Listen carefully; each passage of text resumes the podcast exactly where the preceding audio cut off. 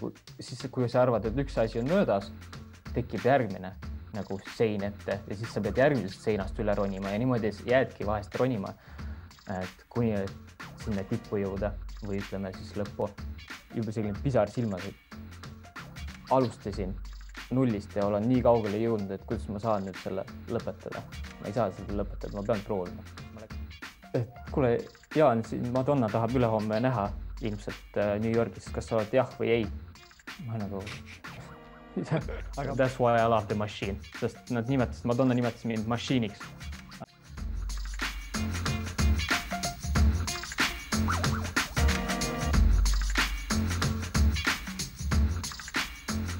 üks, kaks, kolm. teeme algust selle pulliga siin. Äh, tere tulemast, Jaan. virtuaalselt minu, minu podcast'i siia. Mulle väga meeldib sinu see background seal, et kõik äh, on näha väikseid äh, auhindu, on isegi näha Slacki juppe. viis, viis pluss ja need ei ole lõigatud Slackid selles mõttes, et minu esinemist, kus ma lõikan noaga läbi, nii-öelda lindi läbilõikamine, et need ei ole need jupid, kuigi noh, võiks kasutada on ju uuesti uh,. Need on jah, sample'id täiesti näited, seal on võistlustelt igasugused Red Bulli võistluselt, Jaapani võistlused, kus ei saa aru, mis seal kirjas on, võib-olla sõbrad tegidki nalja, et aitäh osalemise eest, et mitte lihtsalt, et teine koht, ma mäletan, ma sain seal, aga et umbes täname, et üldse tulid tõlkisid nemad seda. et ja mm. aja jooksul on siin natukene kogunenud neid asju alustame pihta sinu tutvustamisega, kes äkki ei peaks teadma, et sa oled äh, elukutseline nöörilkõndija, siis slackline on selle nimi inglise keeles, eks ole, ja mingid äh, eesti keeles on ka veel mingid vastandid sellele või mis need kablakargajad, kas see on mingi Setomaa versioon või kuidas see oli? ja just kablakargaja on pigem Setomaal äh, loodud versioon sellele alternatiiv, et äh, reeglina kohe algusest ma mäletan, nimetati seda sporttasakaalu liinil et siis noh, köiel kõndija on siis, ma arvan, tavakeeles kõige arusaadavam ja köie trikitaja. Et yeah. noh, viimasel ajal mulle meeldibki kasutada kablakargaja. et äh, inimestele natuke..., kui ma olen öelnud, et ei, sellel on, sellel on nagu kõla ja just, et. Äh, ja ei, äh, see on lahe ja kuigi tegelikult see ei ole päris äh, päris äh, köis, see on ikkagi rohkem nagu koormalint, kui peaks millegagi võrdlema, aga, aga raske on selle peal kõndida nii või naa.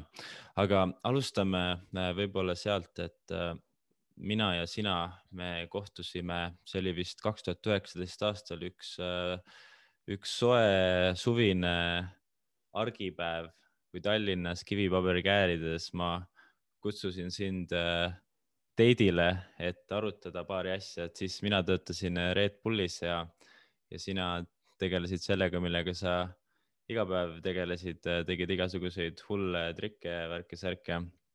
ja siis meil tuli idee, et, et räägiks sinuga, et äkki saame sind enda tiimi ja ma pean, ma mõtlesin nagu, kuidas ma seda alustan siin ja siis mõtlesin selle peale, et milline oli minu eelarvamus sinust enne seda, kui ma ei tundnud sind, siis see oli pigem selline, et mitte, et ma oleks, ma isegi ei teadnud, ma teadsin, et sa oled igasuguseid noh, jah, hulle asju teinud. kõige kuulsam oli see minu jaoks siis oli see, mis tornid need seal ongi, need kõige, kõige kõrged Tallinna tornid? Nende vahel Swiss sa tegid, jah ja,, Swiss hotelli tornid, nende vahel sa tegid äh, isegi maailmarekordi, eks ole? Noh ja, jah, tegelikult kaks tuhat kaheksateist jah. jah, ja see sai nagu väga palju tähelepanu meedias ja siis ma teadsingi, et äh, ühesõnaga teadsin sinu olemasolust, aga ma millegipärast arvasin, et sa oled sihuke veits, mitte ülbe, aga võib-olla üleolev või noh, sihuke parkuuri vend, sihuke lahe vend, et tegeled sihukeste asjadega ja et äh, jah, ühesõnaga ma ei tea isegi, miks oli, aga võib-olla oli pigem sihuke, et ma tulin natuke siukse kartusega, et mis sa mulle üldse räägid või mis sa arvad äh, mis sa arvad äh, jah, Red Bullist ja asjadest, aga, aga ma pean ütlema, et reaalsus on täitsa vastupidine, et kuigi sa oled enamus aja õhus, siis tegelikult mõnes mõttes sa oled kõige kahe peal, kahe jalaga maa pealsem vend, keda ma tean, nii et, nii et selles mõttes on positiivne. sinuga, oli positiivne sinuga tuttavaks saada. aga see selleks, lähme kohe sinna, et äh, hakkame rääkima, kuidas sinu karjäär alguse sai, kes sa oled, kust sa tuled mm,? Mu karjäär, ma arvan, ma olen ka, et tihti mõelnud, et kust, mis vaata, kust saab üks asi alguse, tegelikult saab teisest asjast reeglina ja nagu Slackiga ka ütleme, et noh, kui praegu ma tegelen kõige rohkem Slackiga juba viimased kümme pluss aastat. ja enne seda ma tegelesin millegiga, see oli parkuur tegelikult, kust ma tulin. enne parkuuri ma tegin ka ju midagi ja miks ma üldse parkuurini jõudsin ja edasi, siis ma sellised, ütleme, et äh, üks suhtumine, tähendab suhtumine ühes eluvaldkonnas nagu kandub edasi teise eluvaldkonda natukene ja selline väike rebel, et kooli ajal noh, väike rebel kogu aeg istus sees. kooli ajal, ma ei tea, miks, aga noh, ei meeldinud sellised uh, meeskonnamängud ja ja see oli kaks tuhat esimesed aastad, kui parkuur hakkas nagu hoogu koguma ja siis ma märkasin seda, ma sain reaalselt äh, ilmselt äh, kaks tuhat viis internetti ja esimesed videod, Google video ja Youtube alles sai ka alguse ja ja sihuke vau wow et see on midagi ja no me poistega niigi olime seal sõpradega proovinud omapäi, aga siis me ei teadnud, mida me teeme. ja, ja see niimoodi liikus edasi, et äh, kuidagi ekstreemsem, teistmoodi uh,. suusatamine ei olnud minu teema, et mul ei olnud suuski, neid pidi ostma, siis mulle tundus kallis, et miks mul vanemad peavad sellist varustust mulle ostma. ja noh, sest kunagi ma tegelikult ei palunud ka, et keegi mulle midagi ostaks, et ma saaks midagi teha.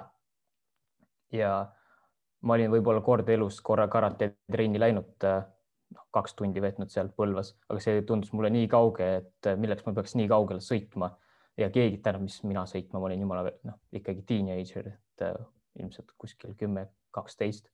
et ei, see ei ole nagu, see ei ole nagu tark tegu, et nii kaugel käia, et eriti kui ma ei ole veel kindel ka, et kas meeldib või ei meeldi ja siis nokitsesin, nokitsesin sellega, mis mulle nagu meeldis ja sain omaette olla, sest ma kasvasin ikkagi. ütleme, naabrid on viiesaja meetri kaugusel lähimad ja siis äh, külas, selles Setomaa külas, seal on olnud teisi nii-öelda sõpru või lapsi äh, läheduses, sest noh, põhimõtteliselt õed olid mul, kaks õde.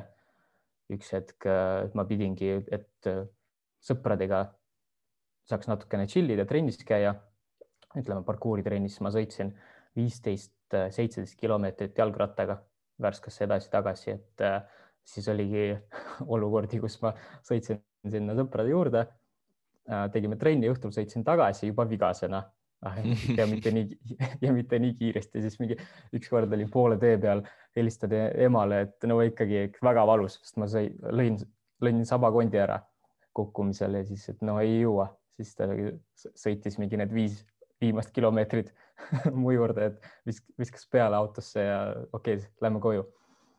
ja eks jah, et siis ta liikuski niimoodi, et parkuur ja, ja parkuuri ajal saime teada, et oh, Slackline, Slackline võttis alles ka sellist esimesed sammud ja Eestis ja üldse maailmas.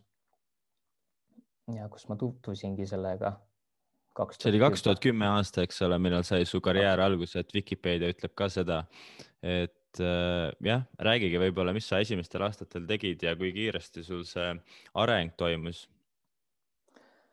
uh,? See oligi hea, et me saime Jamil oma esimesed liinid, sest kui ma vaatasin nagu üldse tutvusin uh, Slacki liinid, siis kui tutvusin Slackline'iga parkuuri Jamil, siis uh, või noh, algul ma nägin videod internetis, vaatasin netist kohe, et ahah, mis ta hind on, tuhat üheksakümmend üheksa krooni. ma nagu mm. see on natuke palju, et äh, mul ei ole seda raha. aga jah, siis Jamil saime tasuta liinid, sest me olime hästi järjepidevad seal äh,. paar poissi. Mis asi on Jam äh,? ühistreening, ütleme ühistreening okay. on siis parkuuri Jamit, me nimetasime ühistreeninguid, kui me kogunesime üle Eesti, siis äh, kõik soovijad kuhugi linna valisime hääletasime linnade poolt, et kus linnas me teeme siis näiteks kevade ühistreeningu või siis suve ühistreeningu ja siis parasjagu oli Põlvas kaks tuhat kümme, viisteist mai. ma isegi mäletan kellaaega, kell kaksteist ma läksin et see on, võib päris täpselt juba paika panna, et millal ma alustasin Põlva bussijaama vastas. meile seati väiksed liinid sinna ja saime proovida ja päeva lõpus siis nagu mainisin, anti nii-öelda parimatele päeva jooksul promo mõttes, et äh, maaletooja tol ajal. Äh, ja sina olid üks parimatest siis? ja ma olen üks nendest järjepidevat nagu, kes oli, kes, kes lihtsalt oli nokitas seal omaette ja tal õnnestus nagu päeva jooksul päris kaugele saada, sest oma esimese liini ma läbisin poole tunniga, aga see oli ka nii, et äh, ma astusin peale, vau, täiesti võimatu, et kuidas saaks seal üldse kõndida. siis proovisin uuesti kaks sammu hmm,, proovin uuesti kolm, okei okay., kui ma sain kaks sammu tehtud enne ei saanud isegi kaks, vaid ühe, aga nüüd ma sain kolm, mis tundus mulle nagu esimese katse ajal nagu täiesti võib-olla liiga palju. järelikult ma peaks saama ka viis ja kümme. ja niimoodi ma kõndisingi lõpuni täiesti, et äh, võtad sammu kaupa ja vaatad, sul on seal siht ees. ma tahan sinna jõuda, kukud maha, püsti tagasi algusest peale või isegi jätkad samast kohast, onju. ja pool tundi ja järjepidevust seda protsessi ma tean väga hästi, sest et äh, ma olin nii õnnelik äh, või minul oli au siis saada sinult äh, eelmine aasta sünnipäevaks enda Slackline ja ma ka, ma arvan, et ma olen mingi kümme korda Slackline'i üles pannud ja nii-öelda Slacki trenni teinud üksinda ja ma arvan, et esimese kahe korraga ehk siis ma hakkasin mingi, ma arvan, et ma kõndisin paari tunni peal enda esimese, ma ei tea, kümme meetrit, viisteist meetrit, kui pikk, pikalt mul seal üleval oli see ära. ehk siis sa olid ikka kohe alguses, said natuke kiiremini, et poole tunniga. kuigi tegelikult mul üks sõber, kellega ma harjutasin koos, temal tuli ka suhteliselt kiiresti see pool tundi või noh, jah, poole tunniga, ma arvan, tema ka käis juba niimoodi, et sai käidud aga, aga mis sai edasi, sa said oma Slacki kätte, viisid selle metsa, panid seal üles ja hakkasid seal üksinda pusima või kuidas, kuidas siis läks uh,?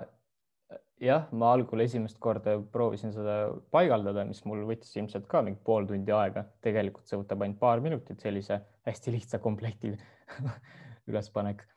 aga ja, et maja juures oli ta püsti mul, aga ei olnud sellist, et kohe nüüd iga päev kõnniks, et uh, sõpradega nagu proovisime seal natukene üks päev, natukene teine päev ja, aga piis-, suuremat tõuget sain ikkagi, kui maaletooja ütles, et on nüüd tulemas selline rahvusvaheline võistlus King of Slackline kaks tuhat kümme, mida korraldab siis Gibbon Slacklines, et äh, nii-öelda liinide tootja. kus see oli? ja see, see toimuski online, põhi, see videopõhine online võistlus, kus äh, korraldajate nii-öelda pro tiim äh, teevad äh, trikke. Äh, ja iga nädal on üks trikk või siis kombo, ütleme, et üks video, iga nädal on üks video ja osalemiseks tuleb korrata seda trikki, mida näidatakse sel nädalal. ilusti sooritada, saata neile õigeks ajaks ja kui tegid ilusti, puhtalt, piisavalt puhtalt oled pääsenud järgmisesse nii-öelda raundi nimetasime raundideks raund üks, raund kaks. Ja see kestab nii kaua, kuni jääb ainult üks mängu või no võistlust tulla. ja siis maaletoojad, proovige po, poisid, et kaugele jõuate, siis meil selline hmm,, kes kui kaugele jõuab, alustasimegi. Esimene, teine. Ja mis huvitav oli, et enne seda me olimegi ainult kõndinud ja me ei osanud nagu hüpata ja saltosid, mitte midagi seal peal teha. ja iga raundiga ehk siis uu, iga uue trikiga aina õppisime, see oli nagu põhjus õppida ja seda trikki ära, mis seal meile on ette antud.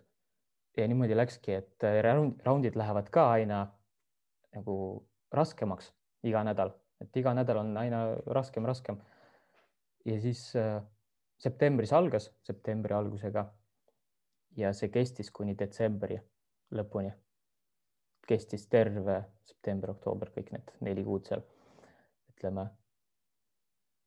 ja ma sain teise koha ja ma sain teise koha ja see oli nagu nullist ja minu arust, kui nüüd tagantjärgi ma olen nagu vaadanud, siis see on ilmselt mu eluga tähtsam võistlus ka siiamaani olnud. sest et seal juba, nagu ma aru sain, võistlesid teised äh, maailmas, kes olid nagu tunduvalt kauem seda teinud, jah?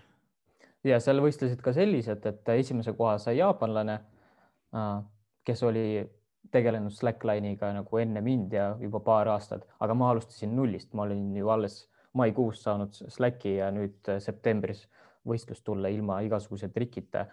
ja see oli viies raund ehk siis viies nädal, kui ma olin ainuke eestlane mängus ja ma olin äh, parasjagu saanud vigastuse, mul oli jalg kipsis.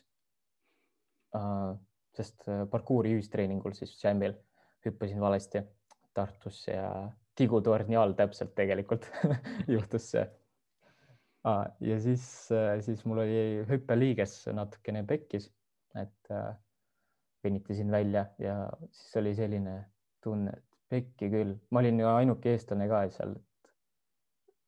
kuidas nii, et äh, jah, see vigastus oli seitsmendas raundis, aga viiendas ma olin ja ainuke eestlane, seitsmendas siis vigastus et ma olen ainuke, et ja siis veel surutakse ka ja, ja Jaan, sa suudad, sa suudad, see on nagu ainuke näitaja, et sest kõik osalejad on ju üle maailma, et Brasiiliast keegi ja Jaapanist, Saksamaalt, Ameerikast. siis ma nagu juba selline pisar silmas, et alustasin nullist ja olen nii kaugele jõudnud, et kuidas ma saan nüüd selle lõpetada. Ma ei saa seda lõpetada, ma pean proovima, siis ma läksin õue ja kipsis jalaga tegin raundi ära ja siis korraldajad olid nagu, what, kes see hull on, et kirjutasid maale toojale, kes teil seal mingi poiss osaleb, et me saadame talle ühe uue Slackline'i selle eest, siis ma sain uue Slacki selle ja. see näitas sinu iseloomu kohe algusest peale, et äh, kui palju sa sinna panustama oled valmis nii-öelda. ja see oli, ma ei tea, miks, mulle lihtsalt meeldis, et mul on äh, väljakutse ja selleks on aega üks nädal seda väljakutset täita. ja ma proovisin koolist võimalikult vara koju saada. sügisel päevad läksid lühemaks. ma lasin emal autod äh, kõrvale, näiteks kui mul ei olnud valgust, mingi hetk ma vedasin prožektorid juba elektrit ja ja lasin, lasin emal autod sinna parkida, et kaugtuled näiteks mulle peale, et ma saaks pimedas trenni teha. Ja et kõik võimalused otsisin selleks, sest äh, külmaks läks ja lumi tuli maha ja iga ilmaga tuli seda teha ja sest aeg surus peale, aeg. Ja ja ainus asi, millega ma sain filmida ka oli nüüd äh, videokaamera kassetikas, mis mul on siin kohe samas kõrval, mis siiamaani toimib mulle täiega meeldib see, et oli, sul oli selline no excuses mentality, et kuigi takistused olid päris suured, siis sa alati leidsid mingi variandi või võimaluse, kuidas ikkagi ära teha. jah, et äh, see oli isegi edaspidigi, sest okei okay,, teine, teine koht nagu topis, ma ei, noh, ma ei lootnud võita üldse algusest peale seda lihtsalt oligi, et kui kaugel ma suudan ennast viia reaalselt push ida nii-öelda, suruda. ja teine koht, ahah, nullist, siis oli plaan, et järgmine aasta ma pean võitma, aga see oligi täpselt see kooli ülemineku periood, kus ma lõpetasin gümnaasiumi ja ma pidin valima, mis ma edasi teen, kas ülikooli ja seal oli ka nagu erinevaid valikuid, mida ma hiljem siis täitsa paberil joonistasin ja äh,. mis valiku sa tegid? Mul oli niimoodi, et ma tegin uh, kuna gümnaasium sai läbi kaks tuhat üksteist onju. kas ajateenistus, mis meil klassikalised tüüpilised nagu valikud äh, tavaliselt on, et ajateenistus enne ülikooli või siis äh, ülikool ja siis ajateenistus või Soome tööle. sest mul isa on Soomes tööl ja läbi tutvuste ma saaks tööle. raha, väga ahvatlev. raha, raha teenida just, just, et oligi äh,. Siis oli, et Soome, mitte Soome, vaid Soome oli just ära äh,, Austraaliasse, aga Austraaliasse on vaja suurt raha, et sinna minna, et tol ajal see tundus nagu vau wow., et ei, ei ole minu teema, et ma peaks vähemalt kuskil enne tööl olema, näiteks Soomes ja siis alles Austraaliasse minema. Ja mul oli isegi Soome tööohutuskaart tehtud oma raha eest, ma mäletan vist viis tuhat krooni maksin selle eest, ma panin oma sünnipäeva kogutud raha sinna alla, et juhul igaks juhuks, kui ma lähen Soome tööle siis äh, mul on see olemas seal, et, äh, et sellist võimalust luua endale juba. ja ma valisin ülikooli, sest äh, mul oli võimalus minna ülikooli, valida eriala Tallinna Ülikoolis tänu vene keele olümpiaadile omal ajal. mul oli klassijuhataja, vene keele õpetaja, kes surus mind olümpia, olümpiaadile minema ja siis ma lihtsalt läksin ja sain seal poodi, noh, teise koha riiklikku, mis tänu sellele siis mul oli veel viimane aasta kasutada äh, pääset ülikooli. Mm. minna. Ja ma kasutasin selle ära võimaluse, et ülikooli, sest ma nägin kehakultuuri, ma valisin kehakultuuri, sest ma arvasingi, et äh, kuna ma olin juba selline sportlikum, põhikooli lõpus oli mul selline IT-kallakuga äh, plaan, sest ma olin hästi palju arvutites nagu mitte ei mänginud, vaid reaalselt arvutis mässasin. Mul oli terve tuba arvuteid täis, et äh, kõik sugulased, oh Jaan, tee mul siin korda, mul on siin Windows vaja sind puhastada. siis ma vaatasin üks öö, ma enne kooli, sest ma nagu olingi, tuled koolist, oled ülejäänud aja arvutites. ei, seda elu ma ei taha, et tunned juba, et selg hakkab ka istumisest juba täiesti puiduseks ära minema, et kas see ongi see elu, et äh, mul tuba võõraid arvuteid täis, et mingi taskuraha eest äh, siin Windowsit installida ja nii edasi, et ei, et siis õnneks oligi, et parkuur ja slackline ja see viis edasi hoopis sportliku suuna peale, kus ma valisingi kokkuvõttes ka ülikoolis äh, kehakultuuri, sest ma arvasin, et kehakultuur viib või vähemalt annab mulle siis võib-olla mõned, mõned paberid või see, et ma olen bakalaureust lõpetanud, et see aitab äh, siis tulevikus minu spordiala juures kuidagimoodi, et ma ei teadnud, kuidas, aga võib-olla, et see, et mul on ametlikult selline kõrgharidus, et siis ma saan need paberid, ütleme bürokraatiat siis kasutada enda spordiala juures, see oli nagu mõte. ja teine põhjus, miks ma läksin, et aega võita. et ma saaks ülikooli kõrvalt Slackline'iga tegeleda, sest äh, see otsuse tegemine ülikooli, see oligi niimoodi, et ma oleks saanud ka suvel tööle minna Soome, mulle isa ütles, et nii, koht on olemas, et kui sa tahad et sul on kaart ka olemas, tööohutuskaart. Soome, tähendab, käid tööl ja siis pärast ülikooli, siis ma ütlesin ei suvase kaart, suvase Soome töö, et äh, ma tahan trenni teha, sest äh, sügisel, kui ma lähen kooli, sügisel algab ka see uus King of Slackline kaks tuhat üksteist ja ma tahaks see aasta võita.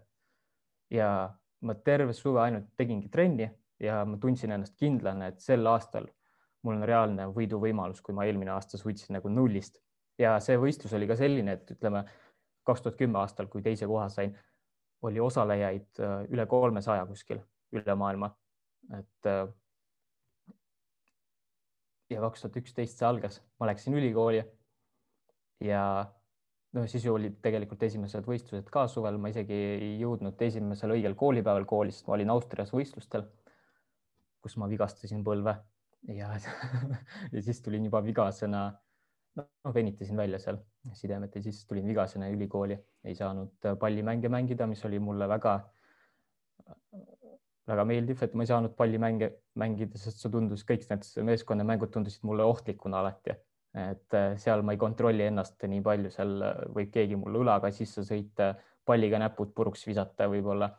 ja see juhtus ka, kui ma sain jälle korvpalli mängida. kohe lõuga sain kelle kellelgi õlaga ja siis näpud olid pahupidi ja, ja aga see oligi niimoodi, et ma loengute vahelt ja käisin Tallinna Ülikool, seal oli kõndisin oma kohvriga, mäletan talvel, sest võistlus hakkas pihta, mul oli vaja filmida, see kassetikas kaamera ei, ei töötanud miskipärast, ma ei saanud seda kasutada, siis äh, mul oli õnneks äh, läppar, mille ma sain ülikooli jaoks ja ma käisin, laadisin läpp, Äh, selle äh, läppari siis täisaku kohvrisse soojas, et oleks ja vedasin mööda seda lund, kohvrid trammipeatusse ja trammiga siis Poska peatus vist seal, kus meri neitsi, seal nüüd Reidi tee Tallinnas. Äh, seal ma mere ääres tegin trenni, harjutasin ja filmisin videosid, mul oligi täpselt see teema, et ma vaatan, ahah, palju mul aega on. Ütleme akut täpsemalt siis nüüd, mitte kasseti aega et enne oli kasseti aega, palju mul alles on, et, et mul ja see on, alles nüüd olen aru saanud, et äh, millist mõju see avaldas minu treeningutele uh,. sest uh, kassetikaameraga, kui ma filmisin, kassett saab otsa, siis aku saab otsa, okei okay,, see on teine asi, aga noh, seda akut saab laadida, onju. kassetid, siis sa tahad uuesti üle lindistada, uusi ei osta ju kogu aeg ja siis sul on mingid head kraami, mida sa ei, sa ei taha, seal on võib-olla mingid peresündmused, mida sa ei hakka üle lindistama mingi Slacki kraamiga. ja, ja siis kogu aeg jooksed, vaatad, ahah, mul on kuus minutit jäänud, nii, ahah, nüüd on kaks minutit jäänud, ma pean nüüd ja siis vahest lindistadki ümber ja ümber mingid viimased kuus minutit seal kasseti otsas. ja siin oli nüüd, kui kassetikaamerat ei olnud ja käisin seal Tallinna mere ääres nii-öelda trenni tegemas ülikooli loengute vahel igasuguse ilmaga, vihmase, külmaga, lumega ja siis külmaga oligi hullem, et ma teadsin, ahah, paar tundi on läppari akut mul. ma pean ma pean selle aja jooksul ära jõudma, sest noh, ei ole nii, et oi, mul aku, see sisemine tunne, et äh, mul jäi see tegemata, see, see tunne nagu kõige rõvedam, mis ma üldse tahan äh, tunda ja see tunne oli ka näiteks selle esimesel kaks tuhat kümme aastal, kui oli viimane raund, kus ma saingi vaata teise koha et äh, see ra viimane round, see oli round kaksteist, hullud trikid. ja ma tegingi enamasti pimedas neid kõiki ja lõpuvideo on ka mul pimedas enamasti. aga me saime lisa nädala ehk siis mul oli kaks nädalat seda teha ja see oli selline kergendus, et ma sain aega endale, see on nagu filmis Time in Time vist, kus, äh, kus inimene saab selle käe peale vaata lisaaega uh, mm.. üks päris huvitav ja kui tal see aeg otsa saab, siis on kõik elu läbi nii-öelda. ja siis äh, see oli nii, nii tore teada, et nädal aega veel ma saan lihtsalt proovida ja proovida, et äh, võimalikult kaugele see trikikombo ära teha. ja ma läinud kooli sel teisel nädalal. ja miks, põhjus, miks tehti veel lisanädal, sest paljud olid haiged. Äh, detsember Euroopas olid paljud haiged ja osalejatel oli jah kehva ja sina teha. kogu aeg äh, tegid õues neid trikke äh, talvel? jah ja., kogu aeg. et paned topeltpüksid, topeltpusad ja vahepeal käid kodus. jah, see võiski niimoodi päev otsa olla vahest, kui oli vaba päev. ja kui ei olnud vaba päev, vaid koolist tulin, siis ma tulin ju tund aega sõitsin, mis oli viisteist kilomeetrit, seitseteist, aga buss tegi suure ringi ja ma sõitsin tund aega suure ringiga ju tagasi koju, ma jõudsingi kuskil kell viis õhtul alles äh, koju heal juhul ja siis noh, viis-kuus kuni siis kaheteistkümneni kella üheni öösel tavaliselt olin seal õues. Ja siis pausidega muidugi, et käid, oled korra soojas, vahetad riided äh, kuivade vastu välja. ja see valik, miks ma tegin, et õnneks oligi hea klassijuhataja, kes mõistis, mida ma teen ja noh, ütlesin talle, mida ma teen, siis ta oli ahah, selge, et haige olid järelikult. Äh, et ma praegu pigem kasutan selle võimaluse ära. proovin nii palju, kui saan. et hiljem ei oleks mul seda tunnet koolis olles näiteks, et noh, äkki ma istusin järjekordse seal, ma ei ütle, et nagu koolis käimine võtaks aega ära või midagi halba oleks, aga lihtsalt mul oli see üks nagu see hetke elumoment, kus ma pidin valiku tegema. kas ma proovin maksimumi pigistada sellest välja, et hiljem ei tunneks, et ma ikkagi ei proovinud, aga mul oli võimalus või ma proovin, pigistan maksimumi ja ikka võib-olla noh, võib-olla võidan ja võib-olla ei võida kui ei võida, mul vähemalt ei teki seda süütunnet, et ma ei kasutanud ära seda viimast liivakillatera, mis mul seal oli. ja ma olen sinuga sada protsenti nõus, sest et äh, jah, see on väga paljud inimesed on nooruses selle valiku ees, et kas nad äh, lähevad seda turvalist teed või nad valivad mingi tee, mis ei ole nii turvaline äh, ma olen aru saanud sellest äh, enda jaoks järeldused teinud, et see turvaline tee valida, seda turvalist teed sa saad tegelikult alati valida, sa saad täna ka teha otsuse, et äh, ma ei viitsi enam slack ida ja võtad selle turvalise tee, sa võid kasvõi ülikooli minna, kõik võimalused on olemas, eks ole. aga seda mitteturvalist teed, kui sa oleksid äh, kümme aastat tagasi valinud selle turvalise tee, siis sa täna enam ei saaks valida, et tõenäoliselt, et hakkaks Slackiga tegelema või sa jõuaks vähemalt sinna, kus sa praegu oled suure tõenäosusega, eks ole. no see ongi see turvaline tee või see on rahatee, sest okei okay,, ma jätsin, valisingi nende, ma kirjutasingi vaata paberile välja, et ahah, Soome, seal ülikooli ja nii, kust ma saaks edasi, et ja kes oleks teadnud, et, et see asi võib kuhugi viia, ütles, et minu eesmärk oli, noh, nüüd ma tahan võita lihtsalt enda jaoks, et ja seal oli samamoodi raske, et äh, nii palju selliseid noh, okei okay,, me võime siin kiruda ilma, et külm ja, aga ma tegin iga ilmaga kokkuvõttes ja hästi palju tunde. ja siis, kui viimast videot on vaja saata, ma mäletan kaks tuhat üksteist aastal, see viimane video, ma olin haigeks jäänud selle viimase raundiga, kui oli vaja jah, nagu deadline juba viimane päev filmida, siis ma lähen, et teen maksimumi nii kaugele. aga see viimane raund oligi selline, kus meid oli kaks inimest võistluses, mina Eestist ja Carlos Neto Brasiiliast, Rio de Janeirost just ja mõtle nüüd selle peale, et sina tegid seda detsembris mingi miinus kolme kraadiga või kui, kui palju sulle see. miinus kümme oli siis. miinus kümme veel hullem, et olenevalt Eesti talvest, eks ole, ja see tüüp tegi seal kuskil palmi all äh, kolmekümne kraadiga, eks ole, et see no täiesti ebareaalne tegelikult. see oligi selline tunne nagu ebavõrdsust nagu maailmas sel hetkel, et miks minul on siin külm ja ja temal on palmirand, reaalselt tema videod olidki palmide vahel ja liivarand. ja ja siis meile anti ülesanne, et tehke nii-öelda esimesest trikist siis viimaseni, et kes jõuab kõige rohkem trikke sellest kombinatsioonist teha, et ja kes, see, kes kõige rohkem teeb, ongi võitja. siis ma nagu tegingi, ma mäletan, olin voodis, ärkasin äh, haige, oksendasin, no ütleme palavik talve küll, talvehaigus ja ei, ma pean minema, lasin emale teed teha. tegi seal mingit taimeteed, et natukene paremini tunda so soojalt riidesse. ja noh, ikka on selline ebamugav tunne, vaata liinil olles sa oled veits uimane, aga noh, midagi ikka saab liigutada ennast, et proovin vähemalt nii palju, et küll ma hiljem ravin ennast. Läksin, tegin nii palju, kui sain, tulin tuppa. korraldajad kirjutavad, et Jaan, kus sa oled, et videot on vaja juba. ja kuna olid tugevad tuuled, elekter kadus ära, internet kadus ära, ma ei sai videot upload ida, ma helistasin sõbrale Sergole, et kas neil värskes on elekter, neil on elekter, siis äh, lasin ennast Värskasse sõidutada ja seal tema juures upload isime videot. et äh, nagu siis, kui sa arvad, et üks asi on möödas, tekib järgmine nagu sein ette ja siis sa pead järgmisest seinast üle ronima ja niimoodi jäädki vahest ronima. et kuni sinna tippu jõuda või ütleme siis lõppu. Upload isime, siis tuli see, see hetk, kui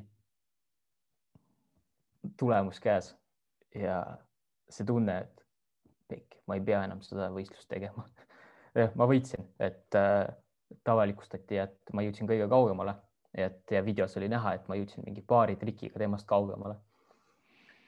ja seda ja... sa tegid siis haigelt ja niimoodi, et elekter läks ära ja sa ei saanud peaaegu üles laadida võistlust? ja ma pidin sõbra juurde sinna Värskasse sõitma mingi seitseteist kilomeetrit, et.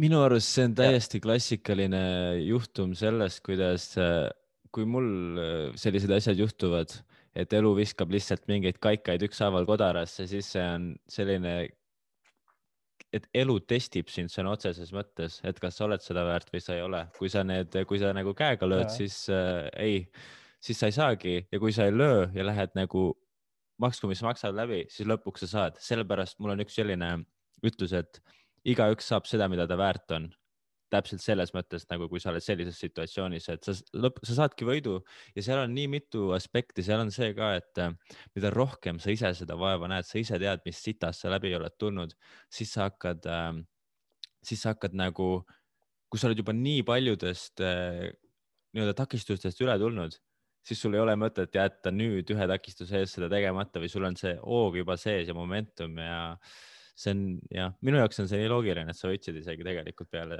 peale selliseid katsumusi. ja seal noh, eks teisigi osalejaid oli, kellel ka raskusi tekkis ja et ega teistel projektidel ka olen näinud, et kellelegi mingi raskus, siis antakse, noh, visatakse võib-olla käega rohkem peale, et võib-olla ei ole jah, arvatakse, et kõik noh, rohkem, rohkem paremini ei saa nagu, et teha. aga siis noh, iga trenniga ka ma mõtlen, et kui ma tegin neid trikke, lähed ja proovid, siis vaatad, noh, sa oled nii kaugel sellest maandumisest ja, ja üldse tre, treeningute ajal, kasvõi praegu sa arvad, et või noh, ma räägin endast äh,. kasvõi nüüd kahekordse saltoga, et see on nagu tundub nii võimatu, aga iga päev nagu nii palju ehk nende trikkidega ka seal võistluste ajal, ma võib-olla sain hästi, vaata natukene mingi väike liigutus, mis ma korraks muutsin ja tegi asja natukene paremaks, see andis nii palju lootust juba, et järgmine päev saaks nagu veel lähemale sellele. ja siis äh, nagu kaamera äh,, oled väsinud juba, et ah, teeks pausi, et jooks teed siis. siis vaatad, et okei okay,, läheb varsti pimedaks, et äh, prooviks veel korra. et või siis mõtled, et ah, veel kaks päeva on teha, aga siis samas ei prooviks praegu veel korra. ja siis viimast korda, siis lähed seda nii-öelda viimast korda tegema. Ja siis ütled, kogu aeg ütlesin, et noh, prooviks veel korra, siis äh, ei, teeme veel kümme korda, siis kokkuvõttes ongi see, see üks kord on vahest olnud veel tuhat korda, aga see just, et sundisin ennast kas veel üks kord teha, et see jõudis kokkuvõttes tulemuseni, et äh, selline pidev sundimine, et äkki võib, sest tihti oligi nii, et hakkad juba ära minema, siis pöörad selja, et aga äkki see praegu seekord, kui ma läheks teeks, tuleks ära ja siis on olnud lihtsalt käib see pauk ära ja buum, olemas nagu. Või noh, vahest võib-olla sada korda uuesti ja siis tuleb see pauk ära, aga tuleb kokkuvõttes, et isegi seal noh, see on jah, selline ei, ei, ei, see nagu oma nagu minu esimeste sammudega, et äh, kui pargis ka ja inimesed näevad mind kõndimas, et siis äh, mõni tahab proovida või näha, et on huvi. ja siis nagu proovi, et ei, mul ei ole tasakaalu, ma ei oska, et proovi, et ai, ma saan viga, et ai, ma ei oska, ma ei saaks rohkem kui kahte sammu tehtud. noh, ei olegi esimestki sammu te teinud, et kuidas saab äh, nagu teada, et mitu sammu sa saad teha. et on, ega sa ei yes. pea palju samme tegema see on fixed mindset on selle nimi, et jah, ja growth mindset on ja fixed mindset, et üks väga hea raamat on nimega ongi mindset. Et kes räägib sellest, et äh, nii palju on neid pessimiste ja inimesi, kes ei saavutagi elus midagi, sest sul sõna otseses mõttes on üleval kupli all asjad natuke valesti seadistatud, et äh, lõppude lõpuks sa saadki täpselt seda, mida sa ju tahad, et see on, see on nii lihtne ja loogiline, aga paljud sellest aru ei saa.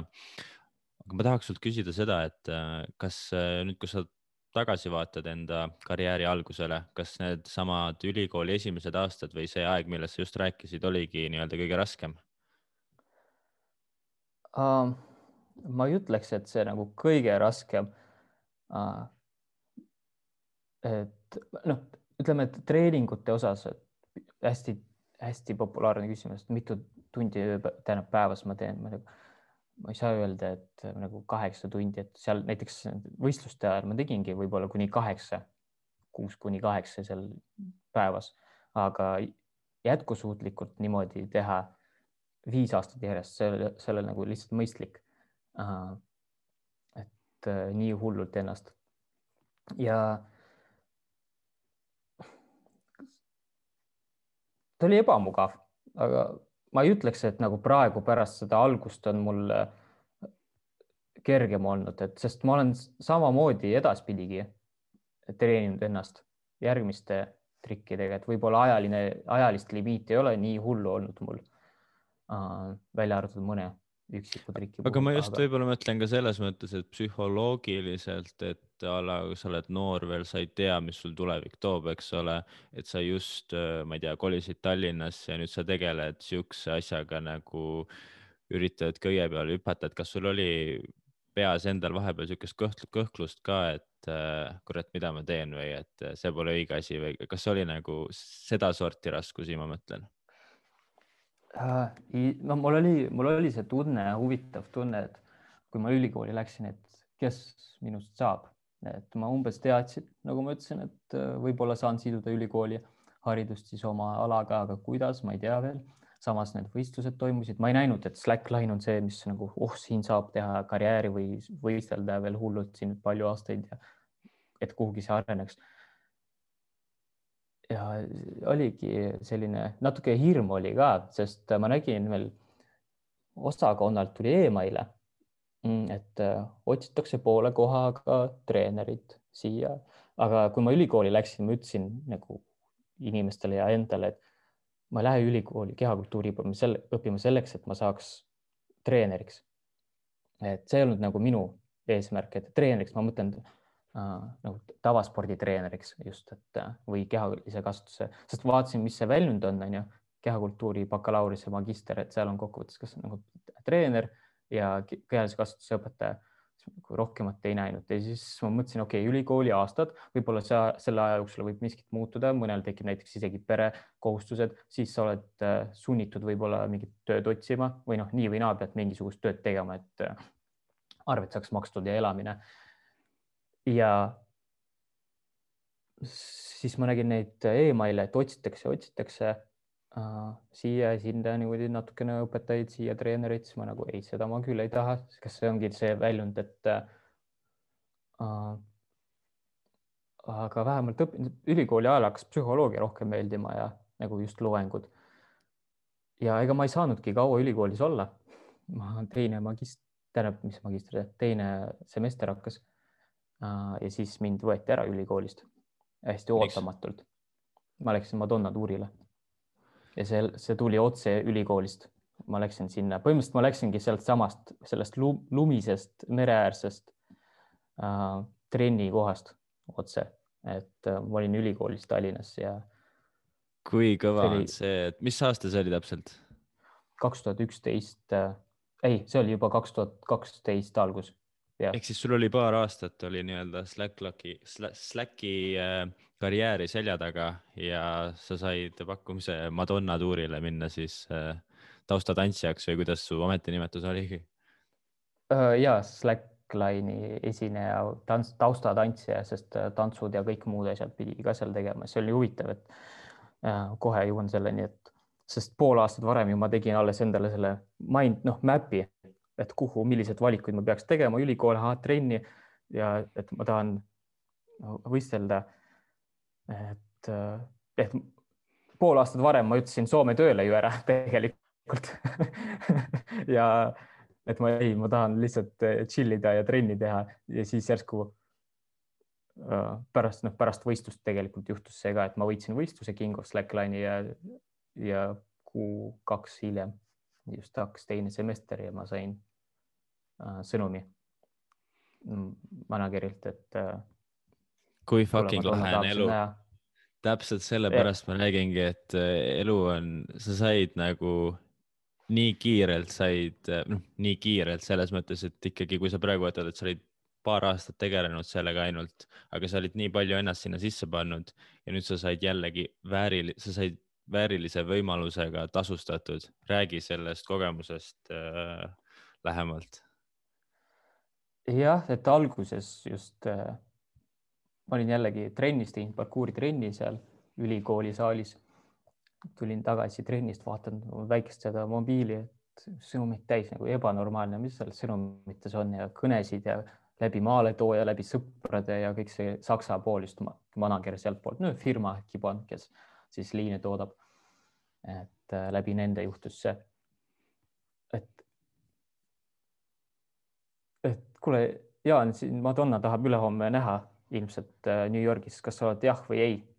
ma nagu aga ma olin nagu, ma olin just enne seda Saksamaal võistlustel ja siis ma mäletan, Andy Lewis, meil üks selline pioneer äh, Slackline'is, et ta on USA-s, teeb mingeid asja ja mingi umbes popstaariga ja see oli halftime show, Super Bowl, see Ameerika jalgpall ja yeah. seal Madonna kasutas Endit äh, nii-öelda tausta, taustatantsijana, Slacki taustatantsijana mingi kolmkümmend sekundit, kus Endi hüppas siis selle lindi peal. okei okay,, see tuli välja ja nüüd järsku, ahah, tuleb välja, et Madonna tahab tuuri teha, maailmaturneed tal on vaja kahte Slacklinerit ja siis otsitigi teist, sest üks oli Endi juba olemas, see ameeriklane. ja nüüd otsitakse teist ja teise jaoks nad tegid äh, listi, noh, portfooliot, ütleme CV-d inimestest, et ta saaks valida. ja ma nägin hiljem ka seda portfooliot, mis talle, äh, mul võib-olla see kuskil olemas siin, ma nägin dokumentides, mis talle saadeti. seal sees oli video äh, minu treeningust seal äh, Tallinnas mere ääres, kus ma käisin loengute vahel trenni tegemas.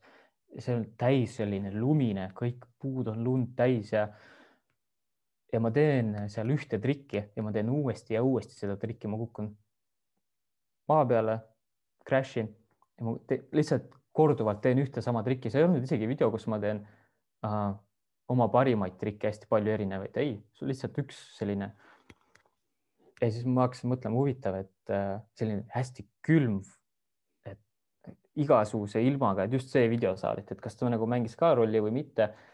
aga kuna küsiti erinevatelt inimestelt ja lõplikku vastust ei olnud veel, et keda ta siis valib, sest seal oli ka noh, Saksamaalt ja Itaaliast üle maailma siin meie väga häid trickliner'ist, sest ma olin just selleks ajaks äh, Slackline'i maailmas miks ma nimetan trickline'is ehk siis äh, trickline on Slackline'i üks osa, kus on just trikitamisele äh, suund. aga kuna ma olin ka topis ja oli, sattusin ka sinna listi. et äh, tehti otsus, et tooge see poiss kohale. ja ma sain kinnituse. jah, see maksis sulle nii-öelda, tasus sulle jälle ära, et sa tegid seal äh, lume sees neid trikke ülikooli loengute vahel koos selle vana videokaameraga, mis on, mida oligi tarvis tõestada. Ja, ja see, see oli huvitav, et okei okay,, nädalaks aegsed audition, et siis proovid, ütleme, et mm, et laupäevane õhtu oli see päev, kui ma sain sõnumi, et jah või ei, kirjutasin sõbrale, et oh, selline pakkumine MSN-is, et see on nagu tundub no life, et üheks aastaks ära minna täiesti siis äh, Sergo kirjutas, et mis no life, see on täiesti HD life, et sellele vastasin ma nagu okei okay., no sest ma ei osanud, et äh, mul ei olnud sellist vaimustust, noh, et oh, mingi Madonna, et äh, võib-olla see, see, kuidas ma kasvanud olen, et aga sellepärast lihtsalt jah, huvitav, sihuke ootamatu, sest mul oligi küsimus, et okei okay,, siis ma pean Estat tegema, kuidas see veel siis äh,, et USA-sse elektrooniline viisa hoopis minu arust minu toanaaber Marti Hallik tol ajal maksis minu Esta kinni ja siis ma maksin talle veel eraldi. kas Marti Hallik, see Youtuber? Ja ta oli, ta oli, ma mäletan, ta ikka siis alustas äh, kõige sellega seal ja oli mul Aa, toanaaber täiesti see. seda, seda ma ei teadnudki, väga lahe. ja et see oli, see oli huvitav. ja pass, pass on vaja kuskilt sealt Setomaalt Tallinnasse nüüd äh, toimetada, et dokumendid korda teha. Aga noh, võib-olla suurim küsimus oli mul, et pekki, ma nüüd pean poodi minema, läksin Rimisse, ostsin sokke. Mul ei olnud sokke piisavalt riideid et äh, ja siis ma lendasin ja olingi esmaspäeva hommikul juba New Yorgis. ma tahaks aga... teada jah, mis tunne nagu see on ikka ebareaalne jah, üks päev sa lihtsalt ostad Rimis sokke, et mõtled, et ma pean Madonnaga minema kokku saama USA-sse siin casual'i, et kui kui järsku võib elu muutuda, et äh, mul on ka nii tihti on elus siukseid momente, et nüüd sa oled mingis huvitavas momendis, ma ei ole nii lahedas momendis kunagi olnud, et ma Madonnaga peaksin minema kokku saama, aga kui sa oled selles momendis, sa kaks päeva varem või päev varem poleks osanudki seda ette kujutada, et ma olen sel sellises momendis ja need on kõige, need ongi need momendid, mille pärast tasub elu elada minu arust. ja aga..., see oli huvitav, sest ülikoolis mul oli just eksami aeg seal ja mõni läks hästi, mõni ei läinud ja äh, sest ma olin nii keskendunud enda treeningutele sel ajal, et äh, noh, mul oligi õppimine, ma teen nii palju, kui on vaja, aga mul on praegu miskipärast mulle täiega meeldib just neid trikke teha ja mitte sellepärast, et ma näeks nüüd, et keegi kutsuks mind tuurile, et mitte midagi sellist ei olnud näha, et isegi ütleme, show maailma ma ka ei näinud selles e. üldse ei näinud sellist kui väljundit, et välja arvatud see, et see mulle hullult meeldib praegu ja see, nagu paneb mind proovile, et see oligi põhiline, et ta paneb kogu aeg mind proovile ja sunnib nagu karmides, ebamugavates olukordades olema, võib-olla äh, piinata ennast niimoodi ja läbi piina siis äh, saavutada. ja jah, ja siis jõudsingi, oligi audition, Endi oli ka seal ja äh, nädal aega proovid äh,, kuna me oleme Slacklinerid ja me ei ole isegi tantsupoisid, ütleme, kui üldse tantsulise äh, background'iga ehk siis taustaga. aga meid pandi ka tantsima ja kuidagi vähem, muidugi vähem, palju vähem, et vaat mingeid keerulisi neid äh, koreograafiaid ei antud. ja siis me tundsime natukene ennast sellise, nagu meil oleks mingi privileeg, et äh, me siin Slacklinerid, spetsialistid on ju, me teeme oma Slackline'i ruumis äh, trikke, siis peame Madonnale neid näitama räägi, räägi sellest, kuidas sa Madonnaga tutvusid ja kohtusid ja kuidas äh, suhted temaga olid?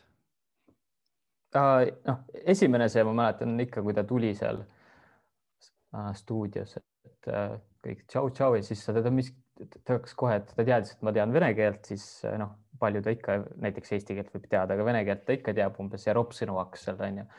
esimene asi teemal, et ja, ja umbes, et äh, siis hakkab juba proovib vähemalt minuga vene keeles rääkida siis nagu okei okay,, väga hea uh,. ja kuna mul inglise keel oli päris uh, halb, ma ütleks, meid õpetati vaata koolis üheksa aastat, aga ma ei õppinud üheksa aastat, et sest sa ei ole selles keskkonnas ja kuna mul oli ka enamus kõik, tegelikult kõik filmid ma vaatasin vene keeles ja need on ülikvaliteetselt dubleeritud ja ma ei pea subtiitreid vaatama, siis ma teadsin inglise keelt vähem kui minu klassikaaslased.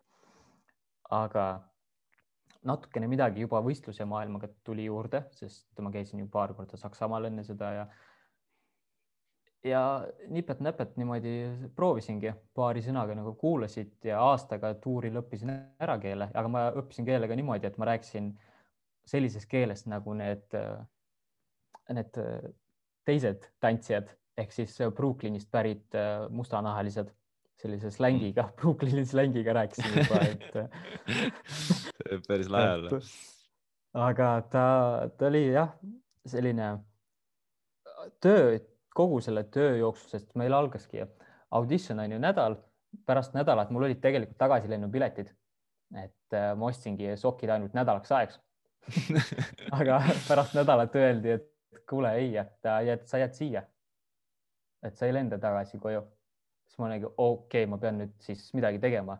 paar kuud ma veel nagu hoidsin seda äh, ühikatuba, maksin selle eest igaks juhuks, aga siis võtsin ka akadeemilise koolist aastaks ajaks, et, et ma ei tule ilmselt tagasi. Endi otsustas, et tema ei tee tuurikaaslasest, temal on teised eluplaanid, et ta oli jah, natukene selline, tal oli suur reis juba ette võetud ja, ja ta, ta ei, ta, ta on sellise äh, käitumisega, et ei püsi paigal, aga seal Madonna tuuril, ütleme, algul ei olnudki veel kohe tuur, sest me neli kuud olime stuudios, puhtalt pimedas black box'is, sellises stuudios pimedas. Pidevalt tegime trenni ja tre trenni. ja,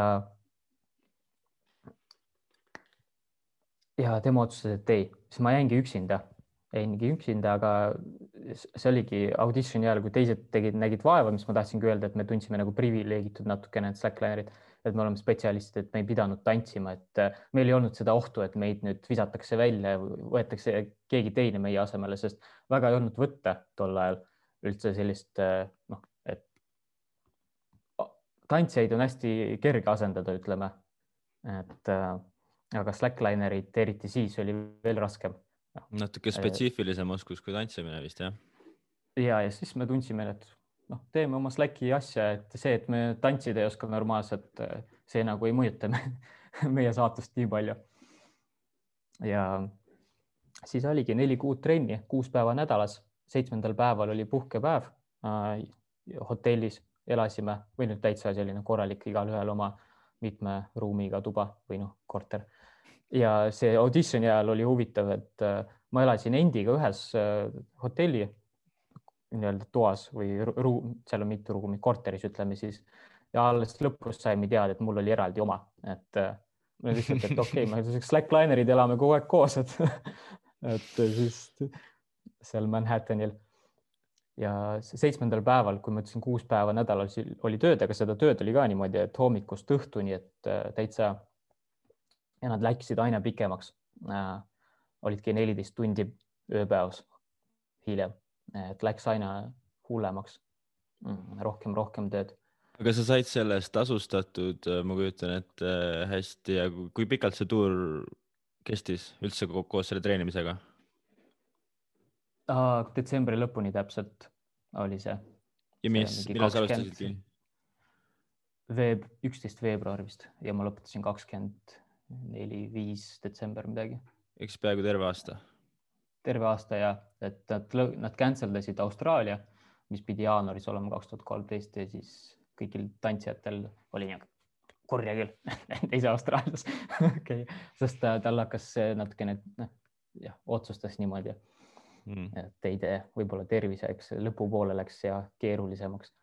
aga see oligi, see ränk oli, et äh, nüüd järsku ma peangi neli kuud järjest siit möllu panema, lihtsalt õppima ja mitte ainult Slacki tegema, et see arvamus, et ma lähen nüüd ja teen ainult Slacki, väga vale. et seal kohe küsitakse, mis sa veel oskad ja hmm, parkuuri oled teinud, nüüd hakkad saltusid tegema hmm.. Ah, sa oskad neid nunchakusid keerutada hmm,, teeme, kasutame seda. kõik, mis sa oskad, kasutame ära, veel pealekauba õpid äh, uusi asju. et sellistel projektidel kasutatakse ikkagi maksimumi ja oligi, õpid uusi asju ja kõik need koreograafiad. ja siis, kui enda asja saad teha, see on nagu hea. Ja mul oli täpselt äh, ja see ei olnud ainult, et mina teen seal oma ala, vaid äh, meil oli ka Slackline'i ruum ehitatud, kus Madonna käis äh, harjutamas iga tööpäev, siis tööpäeva lõpus tegelikult. Pool tundi vähemalt, see oleneb jah, pool tundi kuni tund aega käis harjutamas Slackline'i, et siis me olime seal siis kõrval ja aitasime, kui midagi, et nii-öelda jam isime kogu aeg selles Slackline'i ruumis koos, et ja sellel äh,, selle perioodi ajal, kui me trenni tegime või noh, rehearsal siis proovid äh,, harjutasime kogu kontserdi kava läbi. meil, meid slacklinereid oli seal rohkem, et aga otsitigi endile asendust ja algul toodi üks äh, ameeriklane, ta ei püsinud seal kaua, mingi võib-olla kümme päeva oli, sest äh, noh, tööeetika. kui sa ei teinud midagi siis sa vähemalt pidid õppima või alternatiivi leidma. ja kui seda ei teinud, siis anti jalaga. see oli lõuna-ameeriklane toodi, et endile otsitigi, miks otsitigi teist, vaata, et, et üks ei sobi, siis äh, proovime teist. Otsiti spetsiifiliselt, et taheti nagu kõrgustes ka oleks natuke slack'i, sest Endi tegi seda ja mina ei teinud kõrgustes siis. ja siis tuli lõuna-ameeriklane, tema ka ja sai jalaga, sest ta oli nagu selline laisem natukene, et kui Madonna tuli trenniruumi sisse ja tema seal iPadis istub Facebookis samal ajal, kui ta peaks tegelikult trenni tegema, sest äh, noh, ütleme trenni tegemise aeg, okei okay,, sa jääd vahele äh,, ütleme vahele jääd, aga vähemalt järelikult sa peaks oskama, onju, sest kui meil oligi see hetk, kui nüüd Madonna päeva lõpus vaatab äh, su kava üle, et nii, poisid, te olete kava teinud, ma vaatan üle pannakse muusika tööle, nüüd hakkad hüppama, näitama. kui sa teed vigu sisse, okei okay,, ükskord, see on okei okay., teed teist, sa neli korda järjest äh, teed vead sisse ja see, mis sinult paluti, et sa ütlesid, jah, sa teed, sa ikkagi ei tee kokkuvõttes näiteks mingid trikid, siis noh, nii ei saa väga tööd teha. ja siis äh, ta sai ka jalga sealt, et äh, noh, minul ei olnud miskipärast seda hirmu, et nüüd keegi mind äh, aga Madonna oli siis suhteliselt nõudlik selles mõttes, et ta ise ikka pidas täiega järge ja selles mõttes halastamatu, et kohe, kui midagi ei meeldinud, siis äh, tõmba uttu.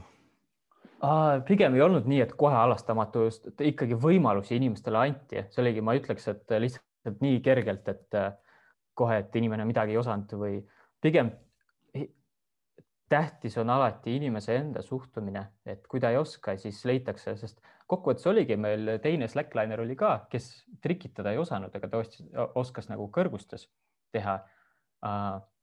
ja see oli nagu tema selliseks äh, murekohaks, selle slacklineri, et ta trikitada ei oska, sest ta kogu aeg kartis, et ta saab jalga sealt, kuigi ta ei saanud tuuri lõpuni.